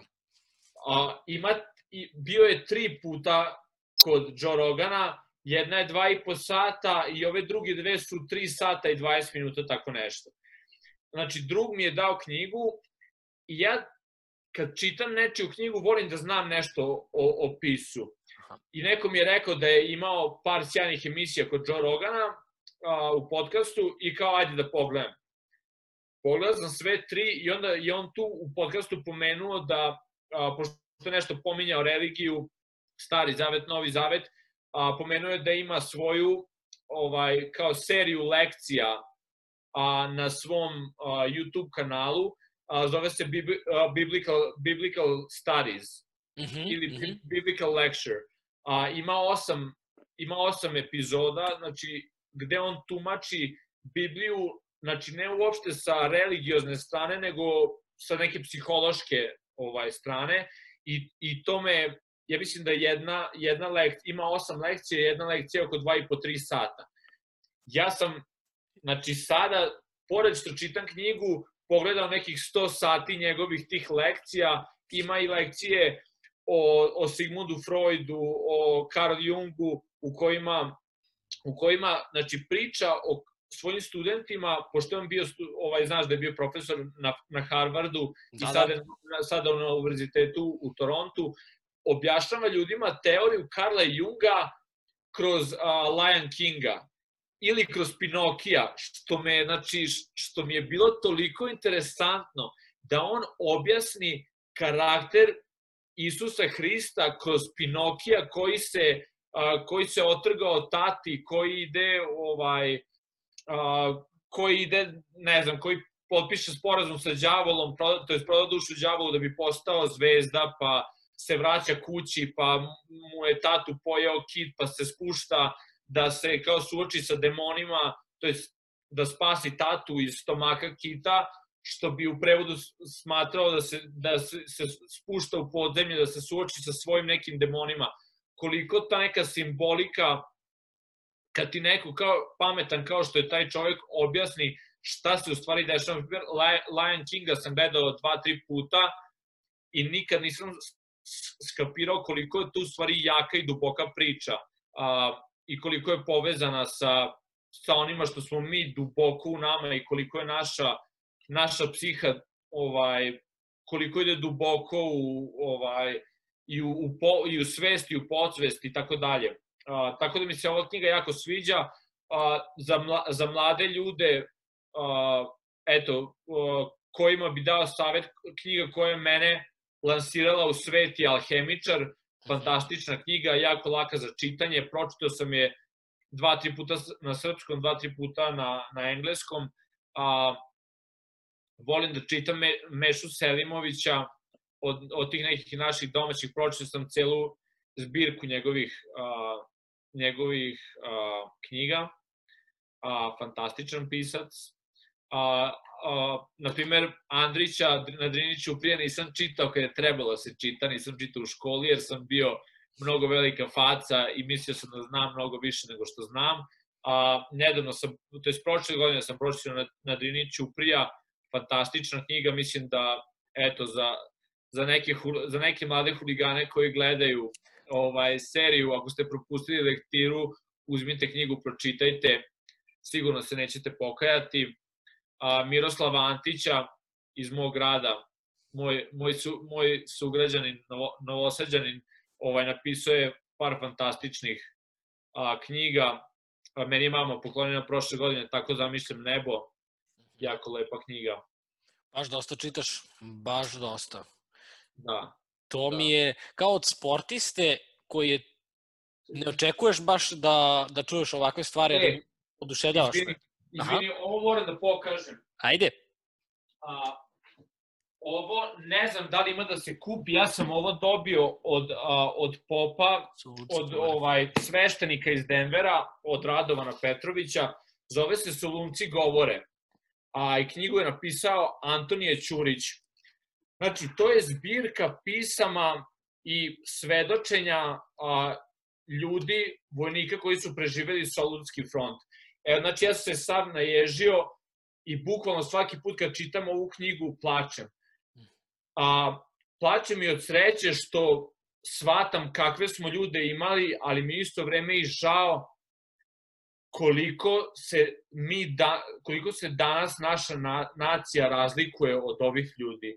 Znači da ljudi, neki od ovih ljudi a, koji su preživali taj Solunski front, čovek ranjen 53 puta, to jest ima 53 ožiljka od uboda noževima, od gelera, ima jednu nogu, ali čovek koji je pun toliko sreće i toliko dobre, toliko je dobru poruku poslao, ovaj, da, da znači, bukvalno, mi je neverovatno, na primjer, kad ja, kad, kad počnem da kukam, ja na, na treningu sam istego lakat, ovo, ono, ne znam, počnem, jedan pomislim, jebote, čovječe, pa mi smo ljudi bukvalno napravljeni, ne znam od čega, znači čovjek koji imao koji je bio ranjen 53 puta je i dalje išao u bitku i doneo, slobo, doneo, doneo slobodina, slobodu našoj zemlji 1918. godine. A, pa onda, koliko smo častani do, dobar narod u srži, a koliko su nas eto ti neki mediji i taj ne, to neko debilno razmišljanje promenili i učinili, ne znam, pu, učinili su s ljudima punim mržnje, zavisti, ljubomore, mislim da to nismo mi i mislim da mi nismo krivi zbog toga, ali ukoliko imaš prave primere i slušaš pravu priču i čitaš prave priče, mislim da možeš sebe da, mislim da, da, da možeš sebe da vratiš na pravi put. I zato klinci, solunci govore, vidite ko su vam bile pradede, čukundede, a bić, biće vam neverovatno ovaj, da, da, da čujete sve te priče. Ne znam, jedna od prvih priča kad majka šalje četiri sina u rat i postroji ih prvi dan kada su ovaj oglasili u celu mobilizaciju i kaže idete, krećete u rat, ne znam da ćete umreti ili da, da ćete se vratiti u živi, ono što hoću, nemoj da ste nešto ukrali, nemoj da, da, da bilo koga slažete, ovaj, da li se vratili živi ili mrtvi, hoću da sačuvate čast naše familije. I četiri brata poslate na četiri strane i sva četvorica se vraćaju posle koliko, pet ili šest godina ovaj, kući majici. Znači, to je eto, ne, nešto što mi bukvalno, evo i sad, da. ovaj, natera suze na oči, ovaj, nevero, mi smo neverovatno, neverovatan u stvari narod i ne postoji granica šta, šta možemo da uradimo kada znamo da, da smo potekli od, od ovakvih ljudi. Sad kad pričaš, uh, mislim da, slažem se da su napravili od nas da nema više časti, da nema morala. Zaista, podcast, ova priča koju ja sad želim da pričamo, su u stvari alternativa svim ostalim stvarima koje možeš da nađeš. I meni je mnogo drago kad vidim da, da ni, niču podcast i sada, niču da. prilike da se čuje ovako alternativne stvari.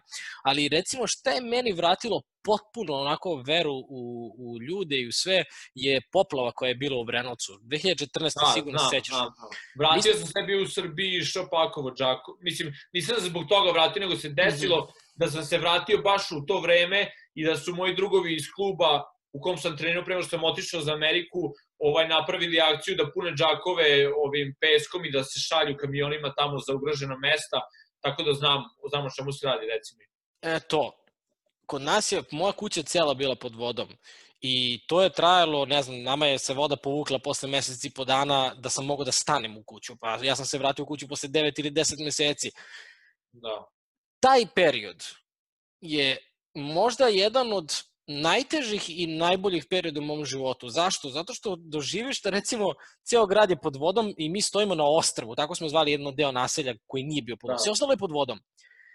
Tu ljudi se dodaju ko je imao keks, ko je imao vodu da ti da da popiješ, da mislim, prosto sediš sa nekim ljudima koje možda prvi put vidim, jako je mali grad, ali nisam se sretao sa njima, i pričamo neke priče, zajedno meriš koliko voda nadolazi, to je stravično i kažem ti opet tako predivno u trenutku ili kad se vratila poplava pa sada treba ti 20 ljudi da jednu kuću da oguliš zid, na primjer. Pa tu prolaze neki klinci koji se nude da pomažu, da i prosto sam tu video u stvari možda će zvučati čudno, ali znam da ćeš me razumeti, ali kao mislim da je naš najveći problem kao, lju, kao ljudi taj što nemamo pravi problem. Jer poplava je bila pravi problem. I ljudi su pokazali svoju ljudskost. Ali sve dok misliš da je problem šta god, a samo je glupost, da li ću da nosim firmiranu stvar ili ću da nosim običnu majicu, to nije problem. I nećeš pokazati svoju ljudskost. Na šta, kaže, na šta, na šta kaže naš bratski crnogorski narod, dosada je đavolja rabota. Tako je. Nama je dosadno. Tako je. Nama je. je jako dosadno, ovaj, mi, bra, znači ovo što si rekao da mi u stvari nemamo pravi problem. Mi se za, mi se za, ali vidiš, nama su ti, znači problemi tipa ne znam šta ću da obučem, to su nam problemi koji su nam prezentovani medijima. Znači ti gledaš svaki dan serije, a, ne znam, šove, a, emisije u kojima se poznati pojavljuju, svi su ovaj svi su opterećeni modom, svi su opterećeni to mislim da, daleko od toga da kažem da ne treba da se ljudi oblače lepo. Ti, ljudi, nemojte pogrešno ne shvatiti. Ovo je samo primer, tako ne, je. Da, ne kažem da, da ne treba da se obučeš lepo. Ne kažem da treba da ideš u krpama pocepam po ulici. Ali nije nešto, znači nije problem od esencijalne vrednosti. Tako je. A, nije problem na, na koji treba utrošiti toliko pažnje. Mislim, eto, ako već pričamo o uspešnim ljudima, Steve Jobs koji je izmislio Apple je čovek koji je a, a, a znaš koja te znaš da se on oblačio samo belu košulju, belu majicu, čisto belu majicu i farmerke svaki dan. Da, da, da, to sam čuo i za njega i za... za... To su dve, dve stvari koje mora Maru Bela majica. Znaš zašto? Znaš koja je teorija iz, iza toga? To sam nedavno, nedavno čuo. Da je, a, da je verovao, ne, mislim, verovao ili imao je teoriju da a, ujutru imaš taj kao willpower, kako bi se to kod nas, znači moć Moment odluke. volje, da, moć odluke. Moment, da. moment volje ili, a, ili što je znači, bitno tim menadžerima koji upravljaju velikim korporacijama, a, da imaju tu moć odluke, da, moć da donesu odluke. I da mi tu moć odluke imamo najjaču, ovaj, mislim, i raste i pada u toku dana, ali ujutru imamo najjaču tu odlučnost. I ako ti svoju odlučnost sjebeš tako što ćeš, mislim, imaš, kako kažem, imaš u toku dana, jebi ga kao kad imaš onaj sat, a, peščani sat, ujutru ti je pun sat, okreneš ga na drugu stranu.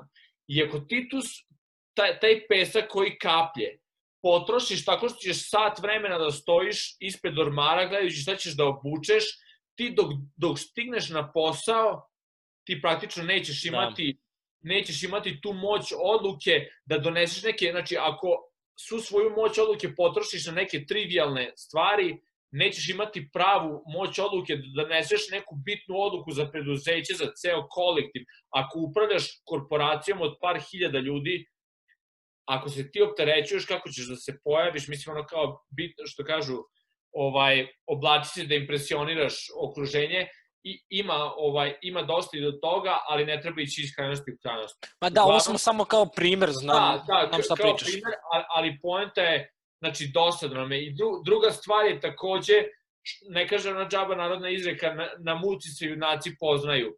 Što, znači, u takvim problemima vidiš koliko su stvarno neki ljudi, koliko im je stalo da ti pomognu da se izgradi ponovo, da se popravi, ovaj, mislim, eto, Ma ljudi su bili ovde, o, mislim, ovde su bili ljudi u tom trenutku. Da. Stvarno. Pa, ne, što ne, ne moraju samo takve katastrofe da nam se dese da bi ti možeš da nađeš druge načine da se spojiš s ljudima i da ovaj mislim što je što je dobra stvar što si pokrenuo ovu priču što mislim da naš narod ima mnogo takvih heroja ne, znači, ne pričamo sad ni o sportistima, ni o borcima, nebitno. Mislim da naš narod ima jako puno ovaj pametnih ljudi koji imaju šta da kažu i što kroz ovakav ovakav vid komunikacije podcast mogu ljudi da ovaj da sebe a, da ispolje svoje te neke a, priče i da ople, da oplemene mlade koji slušaju tvoj podcast. A, da. Ima ih, Ima ih mnogo. Meni recimo bio među prvim uh, Nikola Tepić, koji je sa 19 godina napravio neki izum za biljke i koji je naučnik sa 19 godina zvanično postao naučnik. Da, fantastično. 19 godina, čoveče. Znaš? Mislim, to kao zvuči neverovatno, ali opet mislim da je mislim da kod nas a jedan od problema našeg društva je da se ne ceni puno mišljenje mladih A, na primer, što sam a, isto a, slušao, slušao nedavno u jednom podcastu a, od čoveka koji je sa a, 19 ili 20 godina otišao u Indiju i postao onaj kaluđer, monk, ne, ne znam kako, onaj kao... A, može kaluđer, može kaluđer. Budistički kaluđer. Ovaj, I proveo tamo 8 godina učeći i tamo je shvatio da, da ne, a, da čo, ne, nije čovek, nego uh, osoba koja je promenila indijsku kulturu, koja je jako stara, ja mislim mnogo starija od ove zapadne kulture i evropske kulture, a dete koje, znači osoba koja je promenila celu njihovu kulturu je a, dete koje je imalo 7 ili 8 godina, koje je imalo neku viziju, to je prosvetljenje i došlo je do tih svojih nekih nadređenih, jer tamo veruju da, da deca nemaju tu, nemaju tu zlu narav i, mm -hmm. i čak ne, neko, ne, neko dete koje isto neku jako ve, velik pronalazak obeležilo, imalo četiri godine. Naprimer, kažu da su Beethoven i Mozart sa četiri godine komponovali već neke ono ovaj neke nenormalne stvari, a što je nam u ovom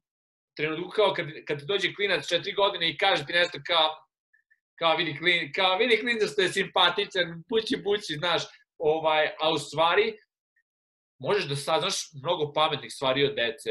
Zato što na jednostavan način. Pričao sam Da. to, pričao sam to Nemanji, povezao sam malo komšiju iz škole. I ja ga tu ga ono zezam, jer imaš devojku, on prvi razred. I kažem, ja šta radiš ovo, ono, on kaže, igram igricu neku na telefonu. I ja kažem, sve bih dao na svetu da se vratim, da se zamenim sa tobom, da imam sedam godina i ja da igram igricu. A on meni kaže, jel imaš telefon? Ja kažem, da. On kaže, pa skini. Da.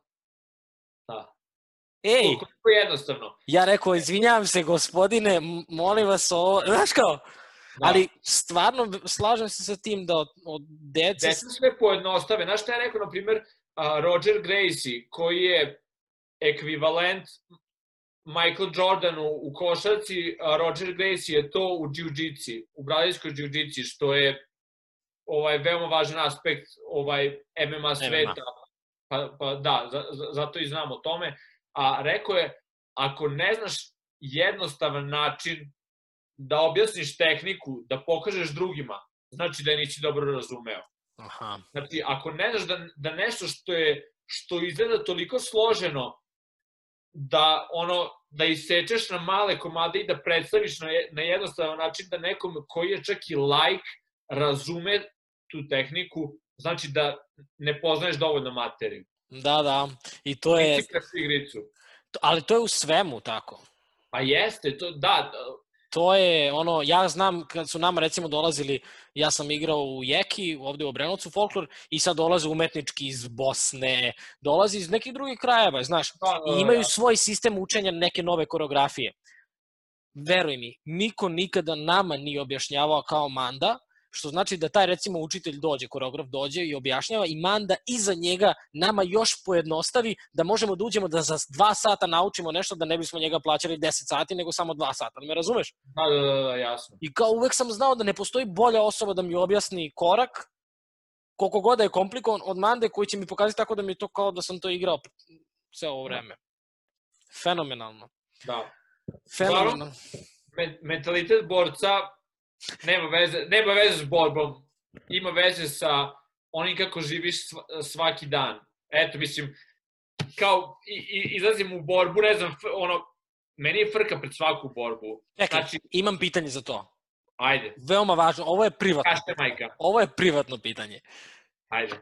Kako se osjećaš od telesnih funkcija do psihologije u tvojoj glavi pre nego što ulaziš u ring? Jer jednom prilikom, ja, ja tome nikad nisam ni razmišljao, nešto sam pričao sa Nemanjom i on mi kaže posebni ljudi su spremni da uđu u zatvoren li, ring. Znači ja Da. ne bih u životu. Da, ovaj, o, mislim, stvarno je neverovatan osjećaj kada, kada se, a, ali... A, Jel ti kuca jače srce, jel imaš kako dišeš, šta, da, ra- da, šta da, pričaš mislim, sebi? frka, jebi ga, ovaj, baš je, baš je frka. Na, nije ovaj, dešavalo se par puta da sam pocenio taj osjećaj. To je da sam pokušao da ga, a, da ga represiram, da ga, da, da ga, da ga gurnem ispod tepiha. Znaš, Neutrališeš, kao, ma, ja, ono kao, ma, ma ja sam ladovina. Mislim, u principu ja se svaki put, ja se svaki put ponašam kao da je ladovina Mhm. ali u, uvek ta, ono, uvek je u meni ta, dešava mi se nekad da, da ne osetim tu vatru, taj osjećaj, pa, ono, blage panike i uzbuđenosti i uglavnom sam u tim borbama gubio. Znači, ka, ka, kad, kad imam frku, kad me cepa, kad me cepa panika, kad me cepa strah, o, brž, brže reagujem, brže, ovaj, brže mi reflekse rade, imam mnogo, uh, mislim, imam mnogo bolju što kaže ono kao kad vozači formule da, da ti se sve ono da ti se uspori vreme. E tako isto nekako i ja. Znači bukvalno vidim svaki udarac koji dolazi iz, izbegnem se izbegnem ga pomerim se mislim može svaki da izbegneš ali vidim čak i kad me ne, ka, kažu da uglavnom borac bude nokautiran ovaj udarcem koji nije ni video. Ono kao u principu ljudi koji se probudi iz nokauta ono kao kao odakle me udario u fazonu ovaj, ne, ne vidiš ni odakle je došao borac, a ukoliko si, meni taj strah i, ovaj, to uzbuđenje, znači me uradi na taj fazon da, da, da bolje vidim, da bolje zapažam, da mogu da se i, i lakše krećem i nekako, kao da mi je sve u slow motionu, ali taj sam osjećaj, znači, šta ja, uh, šta je moj ceo, cijela poenta ove jebene priče, da, da, ovaj, da, da, da se tako vulgarno izrazim.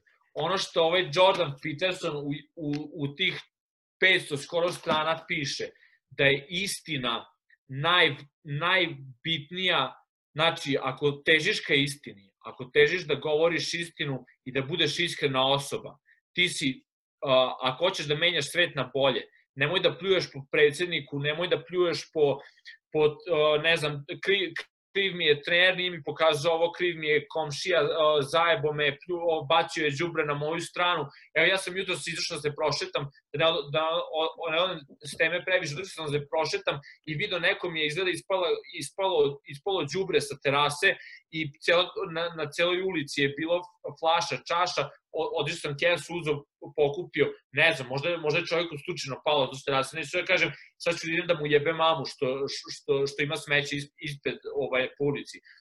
Nemoj da kriviš druge ljude, bu, bu, teži ka tome da menjaš sebe, ako menjaš sebe i govoriš istinu i budeš iskrena osoba, ti ćeš, ti, ti ćeš biti ta, ta, taj točak koji, koji pomaže ovom svetu, to jest ti ćeš biti taj koji gura, o, ako kažemo da ovaj svet točak, koji gura taj svet u dobrom smeru, a ne u lošem. A, I ono što moj trener kaže, što volim borbu, na, šta kaže? Taj kavez je mesto gde ne postoje laži. Kad se zatvore vrata, ono za šta si se spremao, znači to, to ti je test. Znači ne, ne, ne može da izvadiš puškicu i da prepišeš.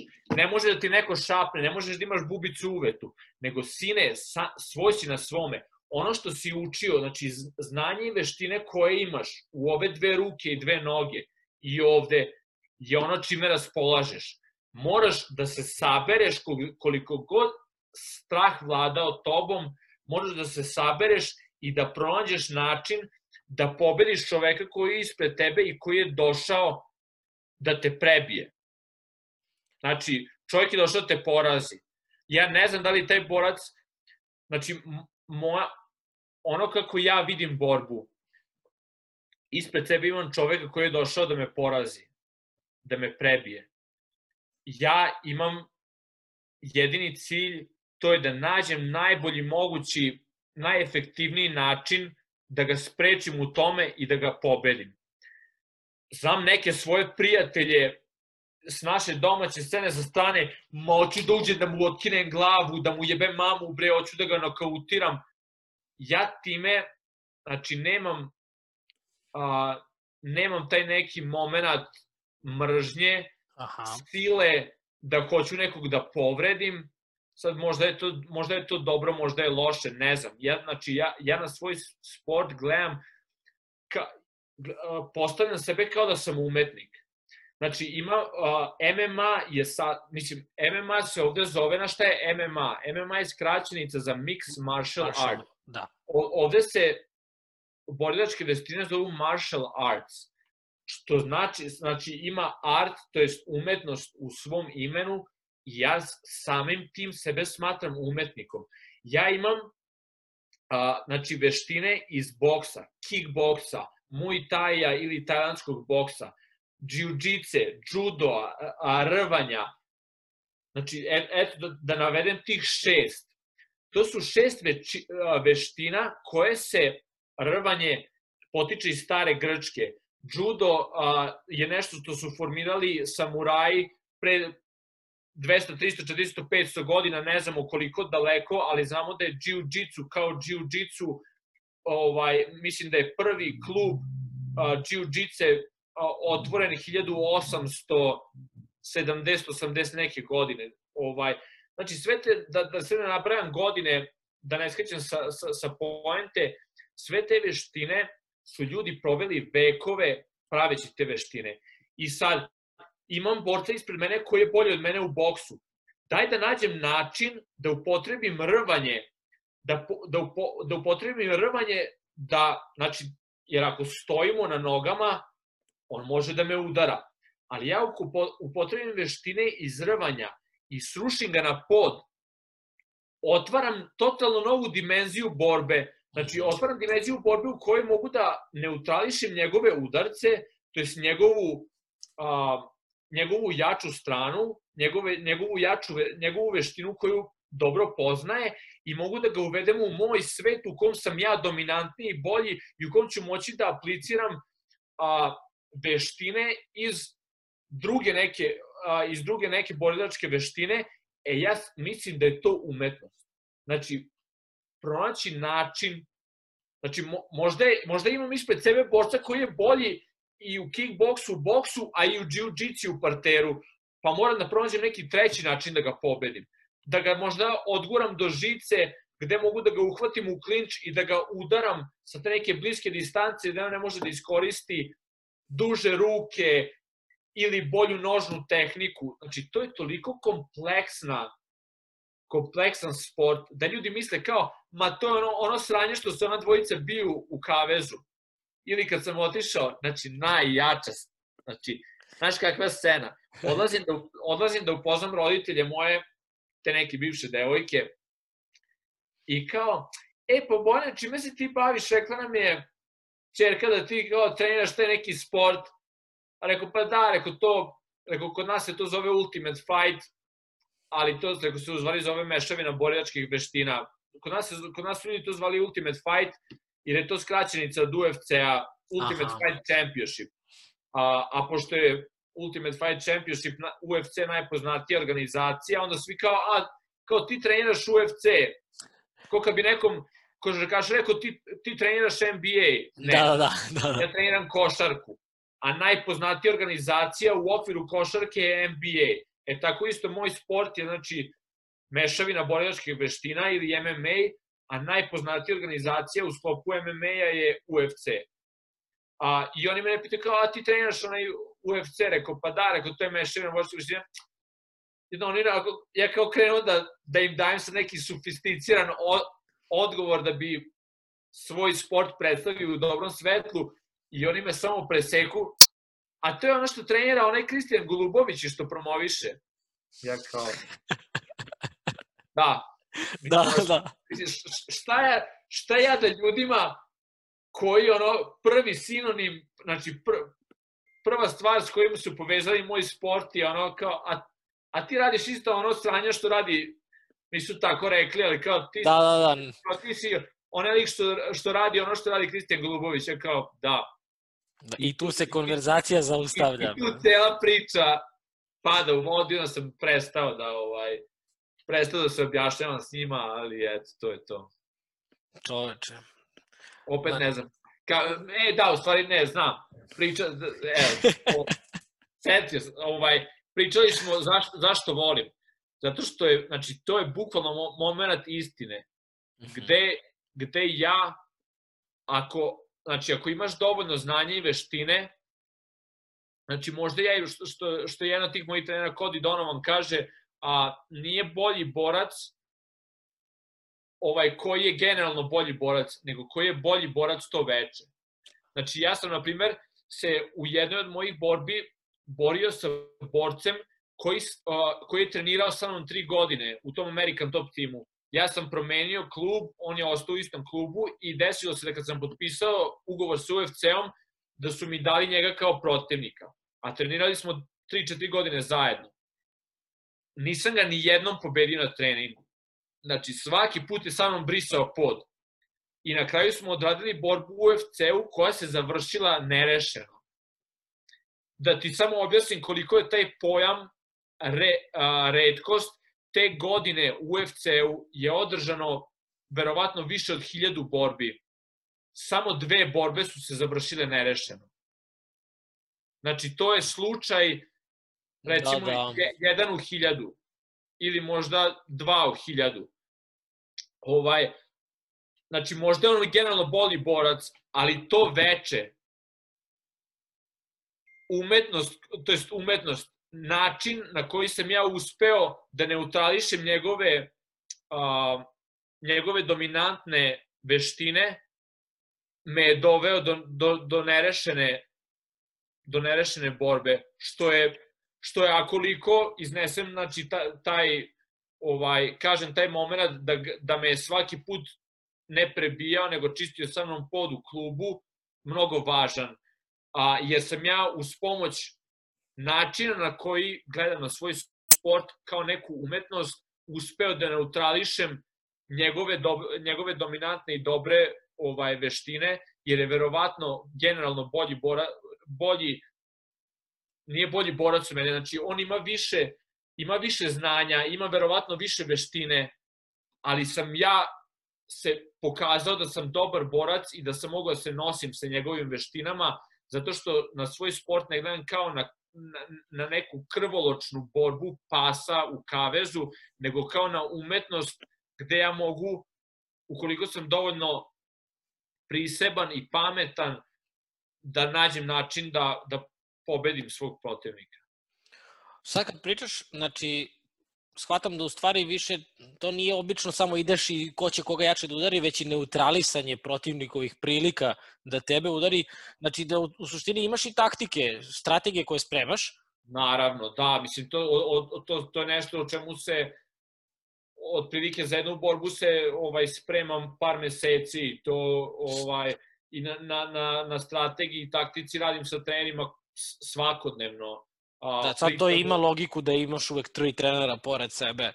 Što pa da, stvari... da, mhm. ukoliko je, ukoliko borac, svaki od boraca ima uglavnom, ukoliko je i ole poznat, ima, ima neke borbe na YouTube-u ili negde, na, nekoj, na, na nekom ono, internet portalu, a, mogu pronađem borbu da, da, da vidim da ima jak kroše, ima jak zadnji direkt, moram da se moram da treniram i da se spremam da, da napravim korak u levu stranu da bi mogao da izbegnem taj udarac, ali da opet ne odem previše da bi mogao da zadam udarac i tako neke stvari. Mislim, kažem ti, ima ja, jako je kompleksan sport i jako je iziskuje mnogo mnogo ono, ovaj psihofizičkih sposobnosti i to je nešto što me je što me ono zbog čega zbog čega se i, ba, i, ba, i dalje bavim tim sportom jer je svaki, ako pričamo o ovome, da je nešto što nas, što nas koji to, znači, na primjer, eto, možda ti nisi ni znao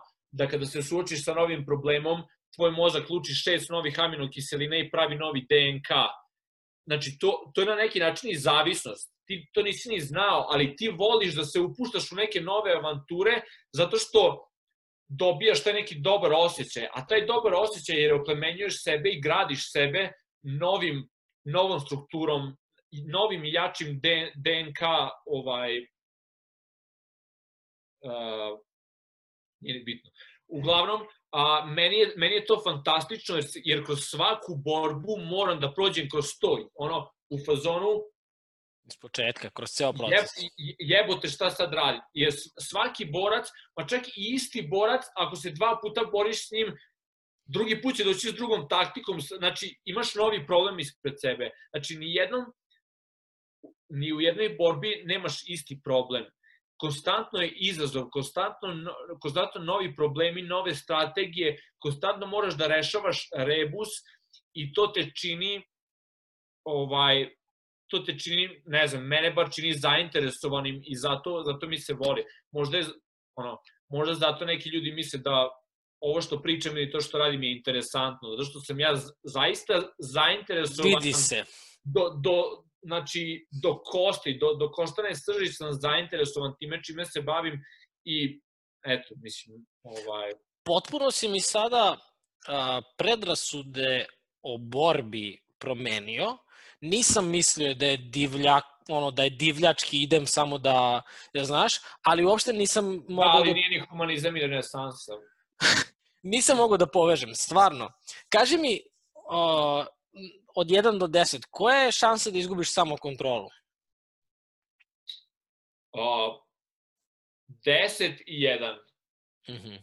Zavisi koliko si, mislim, ja eto iskusan sam borac, imam uh, skoro 30 profesionalnih borbi, ali mi se, na primjer, eto, u jednoj od prošlih borbi desilo da iako sam imao ceo plan i strategiju da je sve palo u vodu. A nije ni čak da sam ono kažu, kao Mike Tyson, Mike Tyson je rekao da a, imao čuvenu izjavu da kao svi planovi padaju u vodu kad te neko drmne jednom dobro, što može da bude istina, ali da se, na primjer, meni u tom meču desilo da nisam dobio udarac, da sam bio u knockdownu ili knockoutu, ali sam i dalje pustio da me odnese reka praktično. Znači, na, našao sam se u haosu, u klinču, u, u situaciju ko, koje nismo planirali za, za vreme priprema i nekako me je taj moment odneo treneri su izgubili glas vrištući, govoreći mi šta da radim, pokušavajući da me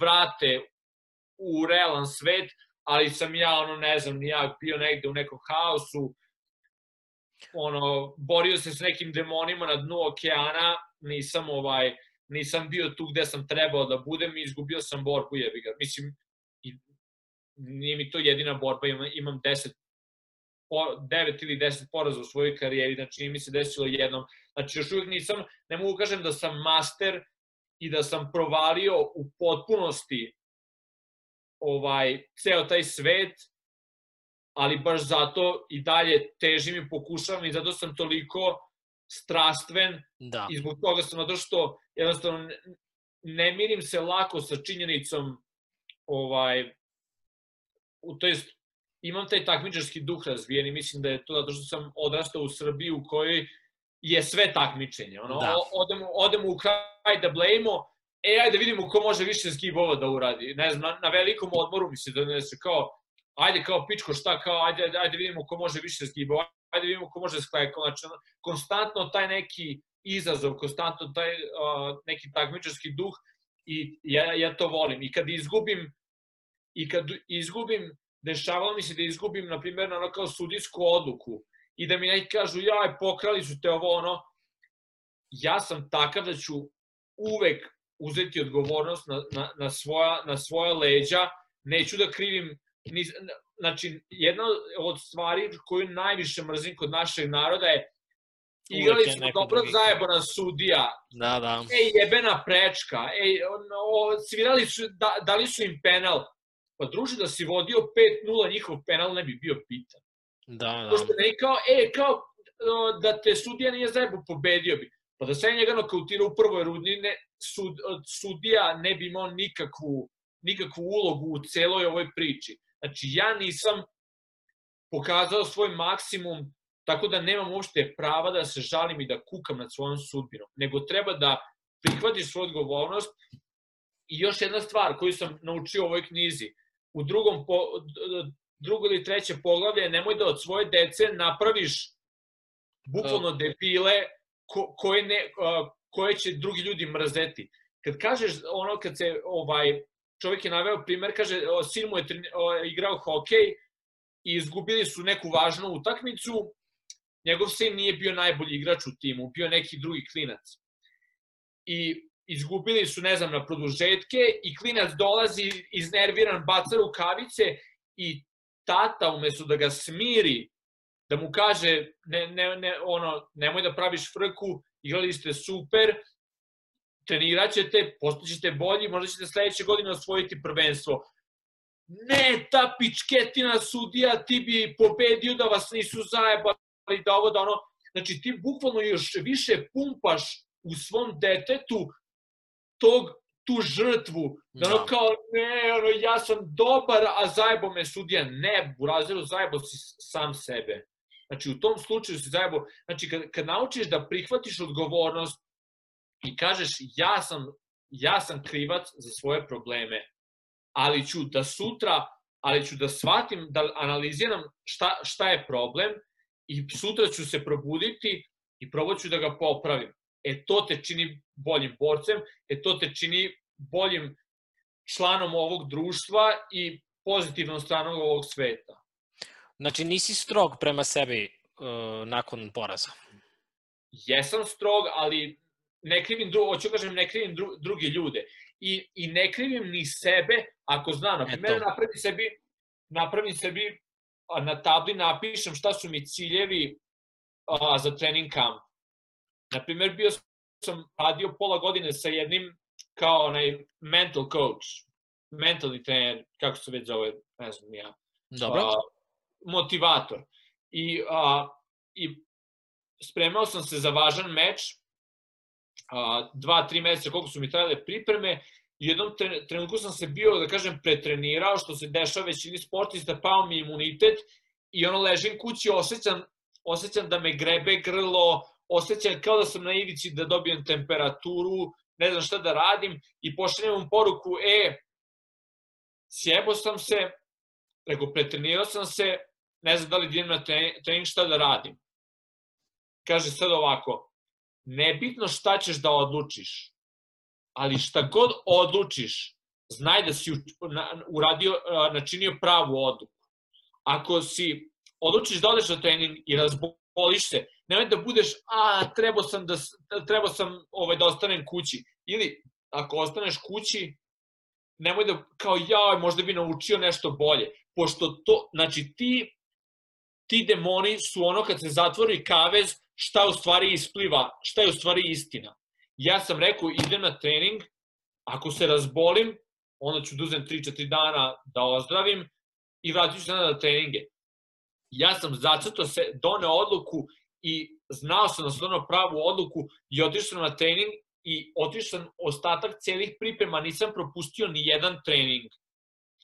A to je bilo prošle godine u ovo vreme, usput sam ceo post postio, šest nedelja, smršao sam ne znam koliko kila, ovaj, iako ono, nisam bio pun snage, nisam jeo stejkove i šta ja znam, išao sam, nisam propustio ni jedan trening, otišao sam na borbu i izgubio sam meč 1 kroz 1.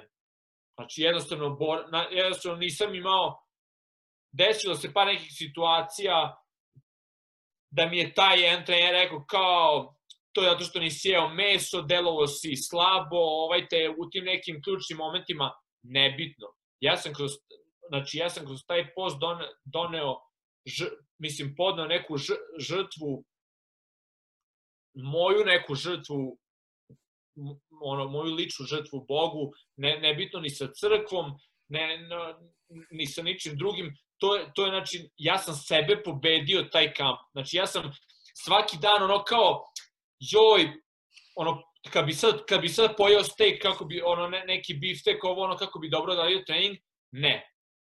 Poješću, ne znam, pirinač sa, sa pasuljem ili nešto, ovaj, ja sam na neki način pobedio sebe otišao sam, izgubio sam borbu, ali, ali si... ne, ne mogu da budem ljut na sebe jer sam ispunio sve što, znači, ispunio sam sve što su treneri hteli. Ispunio sam sve što sam se dogovorio sa tim mentalnim trenerom. Ispoštovao sam sve što sam ja lično sebi zacrtao da uradim u toku tih priprema. Izašao sam na, izašao sam na borbu i pokazao se da to nije bilo dovoljno da pobedim tog i tog protivnika sad mogu da plačem nad sudbinom, mogu kao jaj da sam jeo stejkove, gde bi sad bio ili da sam ne, jednostavno ne mogu da promenim prošlost, ali znam da u sledećim pripremama, ako bude bio post, neću postiti, postiću ako, ne, ako budem bio vam pripreman i šta ja znam.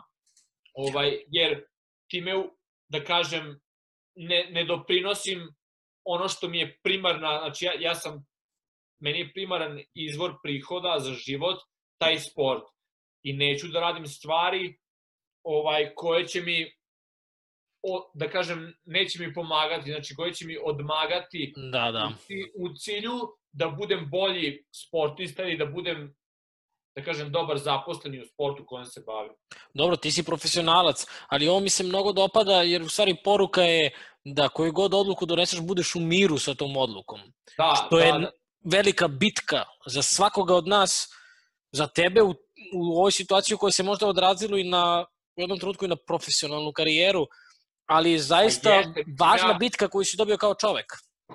Pa da, po meni nije, ono, je, jeste da su pare bitna, bitan deo našeg života, ali ne mislim da ovaj da u, da u svakom trenutku treba prodaš dušu đavolu a, da bi a, da bi došao do para.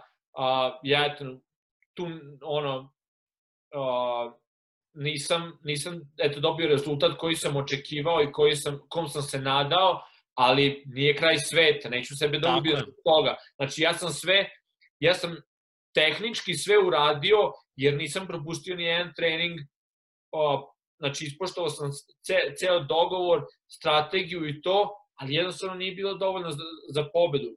Sad, šta je, šta je sledeća stvar?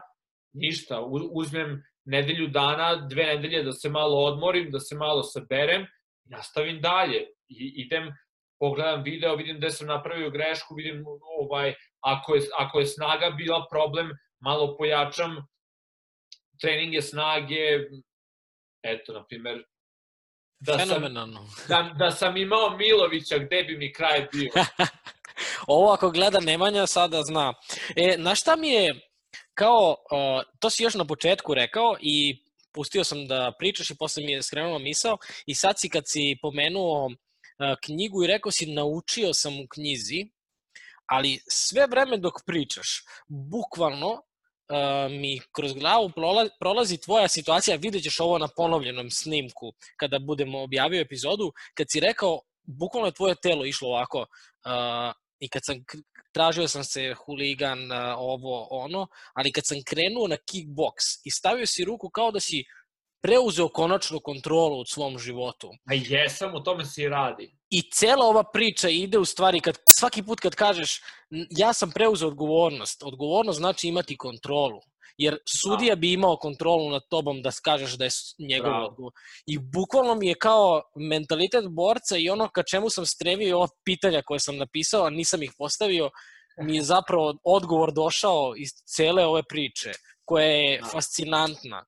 Stvarno. Ne, da, nevero, mislim, eto, jedna od stvari, kažem ti, ovaj, kad si, kad se kažem, eto, taj, ono, ovaj, mali, de, mali delikvent, uh, iz, za tog dela grada u kom sam živeo i nemaš, uh, nemaš, de, definitivno nemaš kontrolu nad, nad sobom, zato što se družiš sa, sa likovima koji su dileri droge, sa likovima koji su koji se drogiraju, koji, znači, tu može u jednom danu da se desi toliko neočekivanih stvari da je to neverovatno. I onda kreneš da treniraš, znači, ono nad, nad čime imaš kontrolu, samo treba, znači, treba da odeš na trening svaki dan. Znači, kako god se osjeća, treba da odeš na trening. Treba da jedeš dobro i da, ne znam, da, da se držiš dalje od tih nekih poroka, stvari, stvari, ko, stvari koje ti ne pomažu u treningu i kako stvari krenu da se, znači ja sam posle, posle par meseci, ja sam sa 19, znači počeo sam da treniram sa 18, sa 19 sam već počeo, zato što je jedan lik koji je radio kao šef u bezbeđenju u nekom klubu, dolazio kod mene na trenera i kao je, ti mi deluješ kao, ti mi deluješ kao neko ko bi mogao da radi kod mene na vratima. Što ti ono pogledaš, evo te ja pre godinu dana sam morao da nađem vezu, da se ubacim, ono kao, e, mora, moram da kažem da znam nekog da bi ušao u taj neki klub, vamo tamo, i sad lik, trenirajući sa mnom, gledajući mene kako treniram, misli da ja svojom pojavom mogu da osiguram bezbednost tih nekih, mislim, ona kao, da, da. pričamo o poslu izbacivača, nije jeben, znaš, nisam jebeni naučnik, ali opet, znači, kad, kad sa te neke margine životne gde si ono mala propalica, druži se sa, sa narkomanima i dilerima i koji je tu negde između u tom nekom balonu ovaj, i nema nikakvu kontrolu nad svojim životom, dođeš ono, e, ajde ono, znaš, neko misli da ja, evo te ono, zaslužujem da, da, da, da, da stojim na tim nekim vratima i odlučujem ko će da uđe i izađe u taj neki klub. Pa onda upišem fakultet, krenem da ređem dobre ocene, pa onda to samopouzdanje se od, isijava iz nas, ne, ne, mislim, ono, Tako je. ljudi ko, koji, se, koji misle da je to glupost, ovaj, su mnogo naivni i mnogo se varaju. A, to bukvalno isijava iz tebe, pa onda, mislim, tih svih godina dok sam bio mala propalica, nisam mogao da nađem devojku, nisam imao hrabrosti da priđem devojci. A ti kad imaš ono, kad misliš da te neko, neko smatra vredim da stojiš na vratima, dokažeš sebi da si vredan time što si položio i upisao taj neki prirodno-matematički fakultet i to krene da se ispoljava iz tebe, pa, pa, pa lepe iz godine devojke krenu da ti prilaze da ti ostavljaju broj telefona, pa svi hoće da provode vreme s tobom. Znaš, tu tu, tu krene, o, vidiš koliko u stvari tim nekim malim, a sve je krenulo od toga da sam ono rekao drugu, e, hoću prestanem da, da, da pušim i da se izvučem iz, iz, ono, iz ove glupe kolotečine, kao je pa moj, moj brat otvara klub, dođi, da, dođi da krenemo da treniramo. A u koji, kom, kom klubu si krenuo da treniraš? Što me zanima? Pa krenuo sam da treniram u klubu koji se zvao Ronin Gym. E, pa kad si rekao prezime uh, za Ronin, baš sam, baš sam pomislio. E, pa Nemanja trenira sa Mišom Bačulovim. Tako je, tako je. Miša Bačulov je znači, čovek koji je započeo Ronin, a njegov rođeni brat Zoran Bačulov je mene uveo, znači Aha. rekao mi je Miša otvara klub, ajde da krenemo da treniramo. Ja sam trenirao sa Zoranom, a, sada Miša i Zoran drže dva različita kluba. Ovaj, da, da, da, da ne povežeš nešto pogrešno. Dobro, dobro. Znači, ovaj, Miša drži ro, i dalje Ronin Džin, ne na istom mestu, Miša se odvojio i drži svoj, otvorio mnogo veći i lepši klub, ovaj, na Spensu, ovaj, Nemanja trenira sa njim, njih dvojica sarađuju, a ja sam dobar i sa jednim i sa drugim, ali pošto je Zoran, pošto mi je Zoran ta neka, neka svetla tačka, znači on je taj koji me praktično uputio ovaj, na ovaj put na kom sam i dalje. Ovaj, ja sam mu zbog toga neizmerno zahvalan i zbog toga i dan danas kad se vratim u Srbiju uvek odem da istreniram s njim, odemo na kafu, ručak, nije ni, nije ni bitno šta radimo, uglavnom to je neko s kime i dalje imam kontakti, koga jako puno volim i poštujem, o, i on je eto jedan, jedan od tih ljudi iz mog kruga o, koji mislim da je da je neverovatno uspešan i, i, i dobar i plemenit, iskren i zato, zato se trudim da, da se držim u krugu takvih ljudi. Kao i Nemanja, kao i Nemanja, kao i a, ne znam, eto, tebe ne poznajem, ali mi deluješ kao, kao neko ovaj, ko bi mogao i trebao da bude u, ovaj, u krugu ljudi ovaj, s kojima se družim. Sjajno, hvala ti. Pa ja sam bih hteo, kad budemo odjavio emisiju, stvari najavit ćemo ili prvi put kad budeš ti došao u Srbiju ili kad ja odem, uh, za, kad ja dođem za Ameriku. Ovaj, volao bih stvarno i uživo da te poznam takođe. Uh, planovi za, za nastavak karijere, uh, nešto što sam u stvari i načuo, u stvari kada si pričao u podcastu kod Nikole, Vej podcast, još jednom da podsjetim da, da zapratite, uh, tu si rekao da bi volao da otvoriš neku svoju školu, ovde sam ja upisao dok si pričao akademija. E, kakvi su to, da li m, imaš neki A, jasan akademije, akademije u, smi, uh, u smislu da uh, znači te MMA škole ne trenira se samo jedan uh, jedna borilačka veština kao ne znam kickbox ili jiu-jitsa, nego je to uglavnom škola, mislim škola, uh, prostor gde se trenira jiu-jitsa, judo, ne znam, rvanje, kickbox, boks i samim tim je kao akademija, pošto je sastavljeno iz različitih, različitih sportova. Naprimer, što se jiu-jitsa tiče, ovaj, pošto takmičim se u MMA-u, ali se kad god nađem priliku ili ako nemam zakazanu borbu, a iskoristim tu priliku da se takmičim u jiu-jitsi, pošto ne znam, eto, a, kako je rekao čovek koji je izmislio, to jest je, jedan od ljudi iz porodice, a, Gracie porodica je formirala brazilsku jiu-jitsu i jedan od, od tih ljudi koji su formirali brazilsku jiu-jitsu, jiu-jitsu rekli su da je jiu-jitsa izraz ljudske inteligencije protiv brutalne ili protiv sirove snage. Aha. Zato I zato mi se jako sviđa, zato što je baš ono, a, drugi ljudi nazivaju jiu-jitsu kao game of human chess ili ti ljudska igra šaha. A, pošto je jak, ono, moraš da budeš jako ovaj jako budan i jako ovaj prizeman da bi mogao da, da, da se ne izgubiš kada, kada krene borba i te jedne godine kada sam postavio najbolje rezultate, u jednoj godini sam pobedio četiri borbe, i između svake borbe sam imao malu pauzu i u svakoj toj pauzi sam uradio po jedan turnir u jiu i na svakom turniru sam osvojio zlato, to jest ovaj, stigao do, do samog vrha takmičenja i mislim da mi je i svaki put mi je ta pauza sa malim jiu-jitsu turnirom koji je, da, da kažeš, bezazlena, bezazlen jer nema, nema velike šanse od povreda, nema udaraca, nego je kimono i, ne znam, bacanja poluge.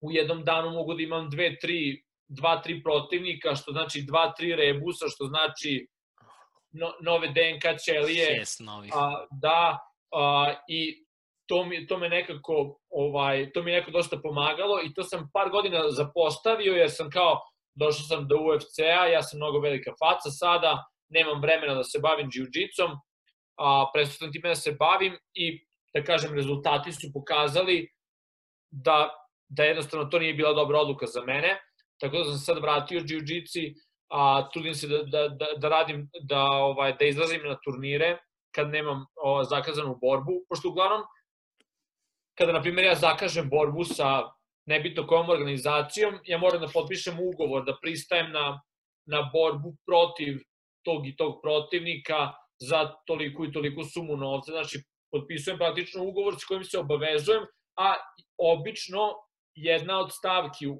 ugovoru je da za vreme priprema za taj meč, znači od trenutka kada potpišem ugovor, ne smem da se bavim a, stvarima koje bi mogle da izazovu pobedu, što znači da ne mogu da se takmičim na jiu-jitsu takmičenju, ne mogu da idem da se vozim snowboardom, ne mogu da, da idem da, ne znam, radim paragliding. Kijanje i ostalo, da, da. Da, da, da, da. Ovaj, tako da, ovaj, sad, sada se trudim da, da to održavam i, a, i cilj mi je da se, eto, pošto sam, pomenuo da sam ja, i ja sam rekao da sam ovaj, stigao bio do UFC-a i odradio sam UFC-u šest borbi, a poslednje dve borbe koje sam odradio sam izgubio i dobio sam otkaz.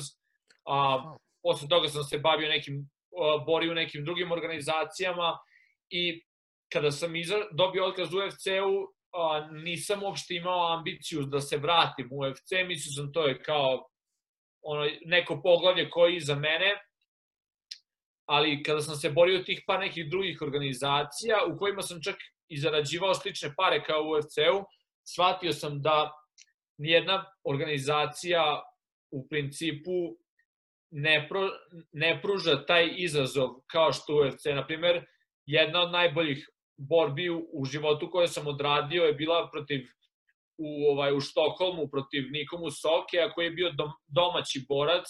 Borili smo se u uh, Ericsson Globe areni, koja, koja je kao naša Beogradska arena u koju staje 18.000 ljudi, koja je bila skoro puna do zadnjeg mesta i u kojoj je ono cijela hala bila protiv mene, pošto sam se borio protiv momka iz Stokholma. Da, da. I ostvario sam jednu od najvećih pobjeda u mojoj karijeri. Kakav je osjećaj kada izlaziš u taj ring? Možda zamišljaš kakav je osjećaj kada, kada hala od, od 18.000 ljudi ćuti kao zalivena, kada ono čuješ mislim, pošto su mi u hali bili mama i tata i ona naj, najbliža porodica, neki bliski prijatelji, kad čujem njih kako vrište, onda ti je sve jasno. Ono, kad znaš da si, da si tim nekim performansom za koji si se spremao učutkao tu gomilju ljudi. A sve ove druge organizacije u kojima se bavio, kažem ti, čak sam u toj jednoj organizaciji PFL zarađivao i, znači, na papiru iste pare kao što sam zarađivao u PFL-u, ali to nije poznata organizacija, pošto je nova organizacija i uglavnom te borbe na kojima se mi borimo se održavaju u nekim malim nekim malim arenama, u, uglavnom u, u kazinima, to jest u hotelima, u kazinima, u, a, da kažemo, u ovim, u halama od 2-3 hiljade ljudi i to uglavnom nisu ni ispunjene do kraja. Mislim, sve se to prikazuje, na primjer, taj PFL prikazuje borbe na ESPN-u, na, na istoj televiziji na kojoj se da. prikazuju UFC borbe. Ali džaba kad ja ono izlazim na borbu i ono ima 200 ljudi oko mene koji kao, a, ajde, ono, prot, protiv, ne znam, borio sam se eto protiv tog Nikomu Sokija u hali do 18.000 ljudi, borio sam se u Sidneju, u njihovom, u njihovoj olimpijskoj areni u kojoj je bilo 16 ili 17 ljudi. Isto borio sam se protiv domaćina i to mi je bila poslednja borba u UFC-u, a ta borba nažalost nije prošla kako sam hteo, izgubio sam, ali je bila odlična borba sve tri runde, ovaj, mislim, odlična ne mogu kažem ja da, da ali ovaj, da, da. Borba, bor, borba u kojoj sam ovaj, eto, pru, da kažem, pružio sam solidnu borbu i neverovatan osjećaj boriti se u takvoj, u, ta, u takvoj nekoj atmosferi, eto, po, posle, posle toga mi je sve ova ostala iskustva koja sam imao nisu bila ni blizu. I onda sam odlučio, pošto sam takav, ako se već odlučim da se bavim tim MMA sportom, hoću da se bavim ono vrhunskim, hoću da se bavim, hoću da budem u samom vrhu tog sporta ili se neću time baviti.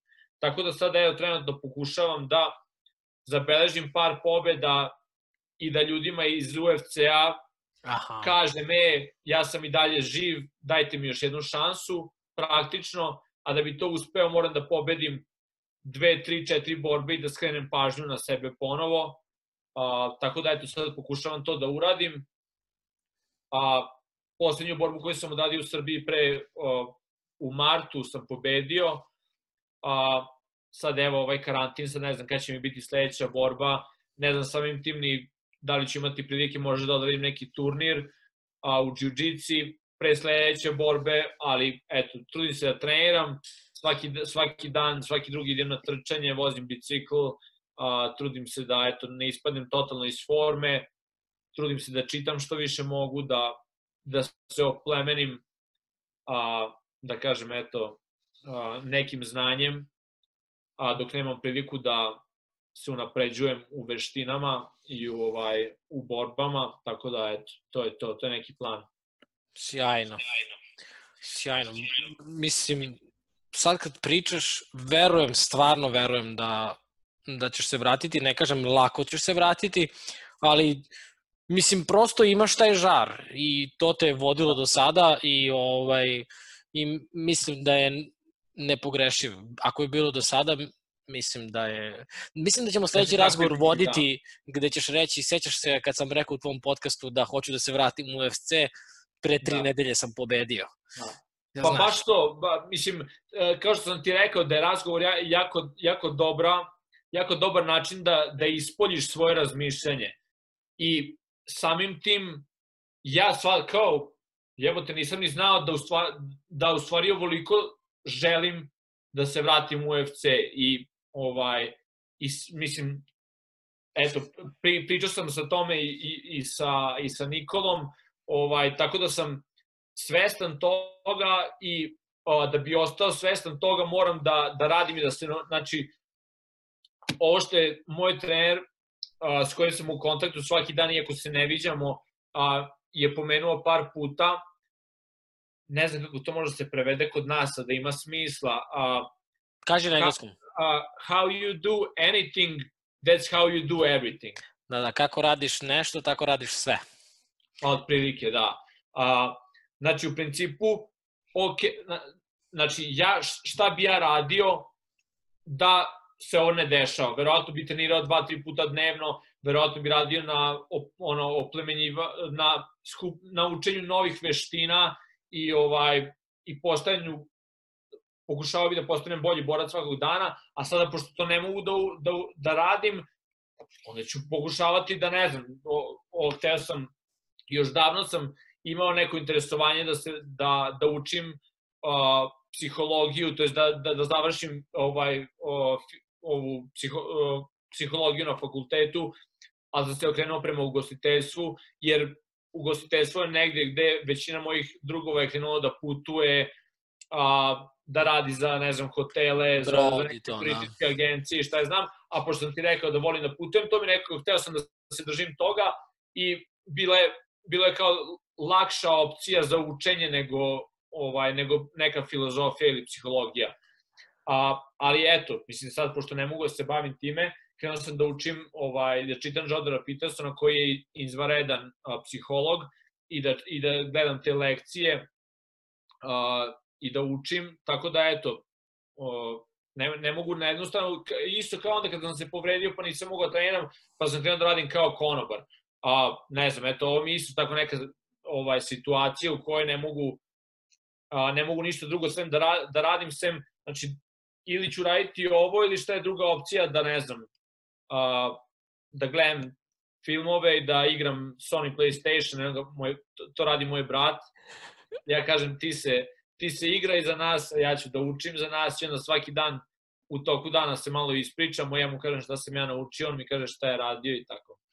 Uh, sad, sad kad ovo kažeš, ovaj, uh, ali to je jedna ono puzla u slagalici koju slažeš, a to je to što jačaš tu svoju duhovnu snagu i prosto mislim i kroz ove knjige i kroz te lekcije od Petersona koje su fenomenalne. Uh, knjiga uh, Put umetnika, uh, ne znam da li si čitao. Put umetnika? Nisam, da. ali evo, to ću da zapišem. Uh, ova knjiga. Ima, imam i ja kao svoj... A, strava. Napis, da. Napisala je Julia Cameron i ovaj, mislim, u suštini, samo sekund, u suštini preporučujem ti da pročitaš knjigu, ali šta je na mene ostavilo najveći utisak, to su jutarnje stranice koje ona preporučuje.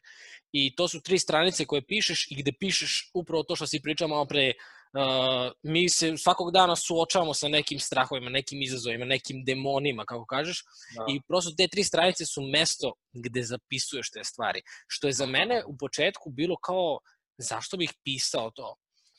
I kao da. kako tri stranice svaki dan, ali nekada mi se piše 20 stranica. I mnogo je korisno, ali... Pa jasno. Pa kad... mislim, što, što više kreneš, na primer, šta sam nedavno ovaj, čuo, šta mi je nedavno neko rekao, kao jedna od, od stvari koje mi se najviše sviđa kod tebe je to što si a, ne, ne zainteresovan, nego, um, kako se to kod nas kaže, curious. Um, može se kaže zainteresovan. Radoznao. Radoznao. Radoznao. Ovaj, kaže, radoznao si kao malo dete. I ja sam, na primer, sad, pošto čitam u toj, i, i šta me je naveo da postanem toliko radoznao, to što sam gledao čitam ovu knjigu i svoju otkrio koliko ne znam. Da. I, i, onda, me, I onda me sve zanima, a ču, čujem pesmu, na primjer gledao, gledao sam film, ne znam da li si gledao film, ima na, na Netflixu, one, uh, uh, The Two Popes. Ne, nisam.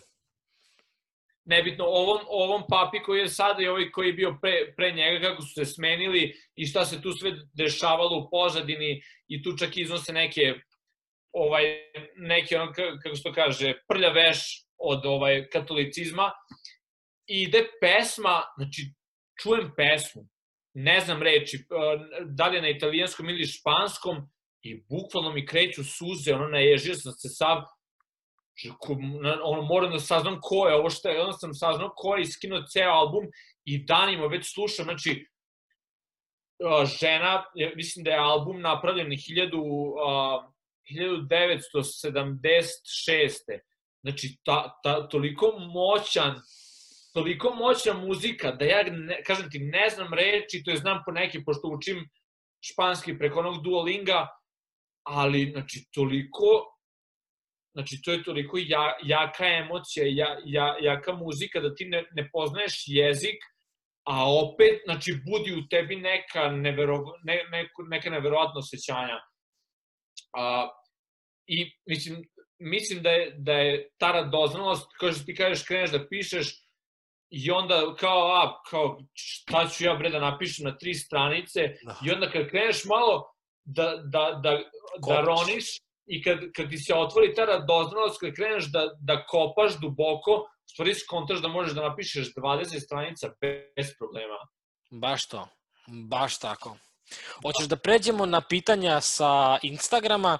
Uh, postavit ćemo... Ako, ima, ako je neko pitao nešto, može. Postavit ćemo jedno. Uh, pitali su te kad si poslednji put vozio skate, ajde to ne računamo, ovaj, kao upravo pitanje, ali možeš da kažeš. A, pokušao sam prošle godine kad sam bio u Novom Sadu, otišao sam u skate park i video sam neke drugove s kojima sam se družio i probao sam, znači mislio sam, pošto aj kao nisam bio neki brutalan skater, ali sam da kažem bio ono so, Tony Havks, Tony Havks. Havks. Da, ne, ne, ne, ne baš toliko ali sam bio solidan za te uslove u kojima sam ja vozio uh, i mislim da, da, da to nikad kao neću zaboraviti. Ja sam stao, ja sam bukvalno znači jedva uspostavio da se da se odgurnem par puta da ne padnem. Uh, tako da a, prošle godine, to je prošle je godine. odlično. Dobro, imam dosta pitanja, znaš? Kondicioni treninzi... U, kako sad da odlučim sa ovim čoveče? Da. Čekaj da pređem... A, Čekaj, Ja da- sam, ja, ja sam šerovao tvoj story da ljudi postave pitanje tebi, pa su par ljudi napravili grešku i poslali pitanje meni, neki su, Aha. poslali, neki su poslali pitanje, neki su dali sebi za pravo da mi kažu da moram da se ošišam, a, da mi bolje stoji kad sam ćelav, a poruka za vas, od toga nema ništa. Kaže, može li se početi sa 20 godina i uspeti u profi karijeri? To si već odgovorio. Apsolutno. Da. Uh, najteži trenutak u karijeri i pozdrav za Velija. A, pozdrav je Laki. pitao. Raki, a najteži trenutak u karijeri. A, pa, nemam pojma. Verovatno, a, pa može da bude ta borba u Australiji, u kojoj sam izgubio pod, podeljenom odlukom sudija, bila je jako, jako blizu borba, ali nisam, nisam uspeo da pokažem e, nisam uspeo to veče da budem bolji borac i, a, i nakon te borbe sam ispao iz UFC-a, eto, tako da mogu kažem da je ta borba nekako, možda. Ok. najteža. Uh, znaš šta, na neka od ovih pitanja smo već odgovorili kako se osjećaš pred meč, ali nemamo za sva u ovom trenutku. Meni Da, da, da, da. žao, ali smo pokrili četiri, ja mislim. Uh, znaš šta, ja imam sad tebi da kažem za kraj našeg ovog razgovora. Prvo da ti se kaži. zahvalim na vremenu. Ovo je zvanično moj najduži podcast koji sam ikada snimio. Ja mislim da smo ušli samo sekund, sad ću da proverim tačno kad sam okačio na story da mogu da postave pitanja. A, Ja ne tri, ovde ne piše koliko to tri, je. skoro tri sata. Ozbiljno, Skoro tri sata. wow. Dakle, ni, Da. ja, sam, ja sam okačio story pre tri sata, tako piše. Ne znam da li, možda je greška, ne znam da li je, ali tu smo negde blizu. Ovaj, znaš šta, treba da budeš stvarno uh, veliki čovek da preuzmeš odgovornost i da preuzmeš kontrolu u situacijama u kojoj nije uvek najlakši izbor da preuzmemo kontrolu, a to je nešto što iz mog ugla čini mi se kao da sa lakoćom radiš, ali sam siguran da je potreban jak karakter, jaka snaga, jaka snaga volje i pre svega svesnost koju, koju ti kroz cijel ovaj razgovor i baš se radim da te upoznam stvarno i da osetim energiju i uživo kad, kad pričamo. Ovaj, nekako mi je bilo i lakše iskreno ti kažem, pošto si borac, ja ne znam da se branim, da prvo pričamo online, da te nešto ne iznerviram, pa kao, znaš. Da. ovaj, tako da stvarno sam ono, potpuno sam oduševljen. Ne mogu da kažem da sam očekivao ovakav razgovor, ali ne mogu da kažem ni da sam iznenađen, jer me iskustvo u poslednjih 40-50 epizoda koje sam snimio pokazalo da idem uvek sa Da ljudi mogu da iznenade. Tako je. I da uopšte nemam, znaš, prosto sam, eto, sad sam fasciniran tobom kao ličnošću, kao sportistom, kao dobar dasa, kao neko ko je m, prosto ono što si rekao i to me baš onako dirnulo kad si rekao kao da vidiš u meni da bi mogao da se družiš sa takvom osobom i sa mnom i Da. to isto tako osjećanje imam i ja, tako da baš sam ono, ba, ovim trenucima sam zahvalan. Kao Radovan treći, kontroverzna ličnost. A, da, ovaj, meni je, ja sam, mislim, a, neću kažem da sam iznenađen, a, jer kao što sam, kao, kao što smo ovaj, obojica pomenuli na početku našeg razgovora a, gospodina Nemanju Milovića, velikog gospodina, Velikog. a e, da, skrenuo, skrenuo to, to bi morao da kažem, zato što ja stvarno tog čoveka mnogo cenim, njegov rad, pored toga ga volim i, i kao ovako ovaj druga i kao, kao čoveka, a dobio sam se, pošto od kad sam sa Nikolom odradio podcast, dobio sam jedno 5-6 zahteva da odradim a, da odradim podcast ili intervju. I odbio sam ih sa razlogom da ne, ne radim podcast sa ljudima koje ne poznajem.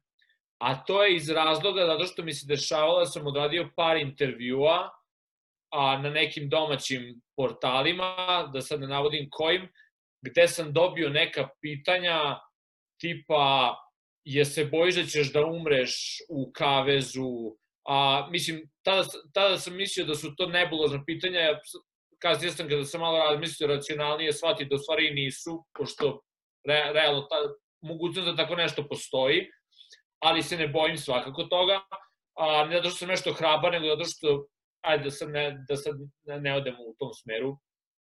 Da, preporučit ću ljudima za kraj a, ko ima Netflix u Srbiji, a, dok sam bio u Srbiji vidio sam da ima a, dokumentarni film o Ayrton Seni. A, to je vozač Formule 1 koji je poginuo 94. godine. Ja nisam veliki fan Formule 1. Kada sam bio mali, moj tata, strici, deda su gledali Formulu 1 i sećam se da moja ba, mislim, moja baba, pošto je muški deo porodice, deda, deda, strici, tata su gledali, on, nju nikad nije zanimalo ja sam pitao što, što je ne zanima, ona kaže, ma ovi svi ovaj, vozači su u, u principu šonje, ovaj, od kad je Sena poginuo, ja ne gledam više Formulu 1. Jer ko je Sena, kad sam vidio, kad sam skapirao da je to osoba koja je moju babu dirnula, koja uopšte ono nema veze sa, ono, sa sportom i sa takmičenjem i sa trkanjem. Kada sam vidio da izašao njegov dokumentarac, ja sam ga pogledao ja je bukvalno mislim, evo sad sutra je uskrs, ovaj, pričamo o Isusu Hristu, ako neko zna ono, priču o Isusu Hristu i ko je on bio i šta on uradio, što mi i dalje pričamo o njemu, ja mislim da je Ayrton Sena moderna verzija Isusa Hrista. Jer je čovek u, znači, na dan koji je poginuo je rekao da, je, da se ljubav prema Bogu izražava tako što svoj život daš Bogu. A daš ga Bogu time što ako te je Bog nadario da se baviš nekim sportom, i ako se baviš njime, i ako si ono do kosti posvećen tom sportu, čak i ako umreš, znači da si umro, da što je, da si, ve, znači da si već, o, po, me, po meni smrt je, to sam ovaj, naučio dok sam ovaj slušao ovog Alana Wattsa koji koji je jedan od najboljih filozofa. Slušaš Alana Wattsa? Da, pro, proveo sam sigurno 500 sati slušajući da. Alana sva njegova predavanja koja postoje na internetu, znači i on mi je razbio taj strah o, o, o smrti i u, i u stvari mi je, jer, jer je na najbolji način, bar na najbolji način koji sam ja do sada čuo, objasnio koliko je smrt trivialan deo u, u našem postojanju, postojanju naše duše, ne pričamo o postojanju našeg tela, pošto telo definitivno a, ode. I koliko je ovaj, eto, znači ta, a, ako hoćete da vidite šta, znači, šta je ono ultimativni, ultimativna posvećenost, posvećenost i verovanje u sebe i u Boga, pogledajte dokumentarac o Aetonu Seni, ja sam znači plakao kao malo dete tri puta dok sam gledao dokumentarac jer je toliko, toliku snagu ima, znači čovek koji je bukvalno ono, čovek koji je rekao drugo mesto kao zadovoljavaš se drugim mestom, ti si samo prvi u nizu gubitnika. Ovaj, tako da... Baš ću da odgledam. Zanimljiv dokumentarac, po meni, mene je iskreno promenio, promenio kao čoveka, ovaj, tako da uh, velika motivacija takođe, a, ako sam znači, vidio da, da je čovek čovek ko, koji se držao svo, svog verovanja i dan danas evo, ima jedna do, dokumentarnih serija na ovom uh, na Netflixu isto o Formuli 1, znači vozači danas posle 30 godina od njegove smrti i dalje gledaju na njega kao na Boga, uh, onda definitivno ovaj mi je jasno da čak i da umrem radeći ono što zaista volim ne bi bio pogrešan potez. Da, neću uopšte da se nadovezujem, ovo je, uglavnom kažem poruka za kraj, ali ovo je, ovo je to. Da, da ne znam, mislim sam pričao o Nemanji, uglavnom, Aha. ovaj, veliki pozdrav za Nemanju. A, da, uglavnom, zašto sam, zašto sam odlučio da, izvini, zašto sam odlučio da prihvatim tvoj poziv, jer sam video da si uradio, iako te ne poznajem, prihvatio sam da uradim s tobom podcast, zato što sam video da si radio sa Nemanjom, a, zna, a znajući da je ne, Nemanja prihvatio da radi s tobom, po meni ti daje do, dovoljno legitimnosti da prihvatim tvoj poziv i da odredim s tobom podcast i eto, po, pokazalo se da sam dobro procenio i da sam napravio dobru odluku, jer definitivno mislim da smo, da smo uradili dobru stvar, što smo snimili ovaj podcast i ako ga neki mladi pogledaju, verujem da će imati dobar, a, dobar utice na njih i verujem da a, čvrsto verujem, to sam rekao i kad, a, to je bila jedna od motiva dok sam radio tu psihoterapiju sa tim mentalnim trenerom, rekao sam mu da verujem da na našim prostorima Srbija, Bosna, Hrvatska ima jako puno šampiona i ja sam svestan da sam izražit se opet vulgarno, ali da sam samo jedan kurac na biciklu koji je, eto, imao tu sreću da bude okružen pravim ljudima koji su me uputili u, u dobrom smeru i uradio sam toliko koliko sam uradio. Još uvek pokušavam, još uvek mislim da mogu da, da nisam prikazao sve, ali vreme će pokazati. Kao što će kao što eto sada ovaj kažem klincima koji ovo gledaju znači voleo bi da me vi a, koji ovo gledate znači da me učinite smešnim da bude onaj Bojan ma on nije uradio ništa, on je bio u fazoru samo kurac sa biciklu. Znači, volao bi da se pokažu, da se pojave klinci koji će osvetlasti obraz naše zemlje, ne samo sportskim uspesima, nego i uspesima van, a, van ringa. A, ljudi, držite se porodice, nemojte da lažete, a, verujte u ono što radite, radite dobre stvari, radite stvari koje će vas a, koje vas, znači, do, do, u kojima postavite sebi pitanje šta bi radio do kraja života, čak i da nisi plaćen za to. I onda znaš da, da radiš pravu stvar. Tako da, eto, to je to. Sjajno. Sjajno. Hvala ti puno. Uh, mi se družimo uh, uskoro, ja se nadam, Bože zdravlje. Uh, svi vi koji ste gledali podcast, želim da vam se zahvalim. Ako ste stigli do trećeg sata, želim i da vam čestitam. da, da, da, da. Ovaj, vidimo se sledeće nedelje. Pozdrav.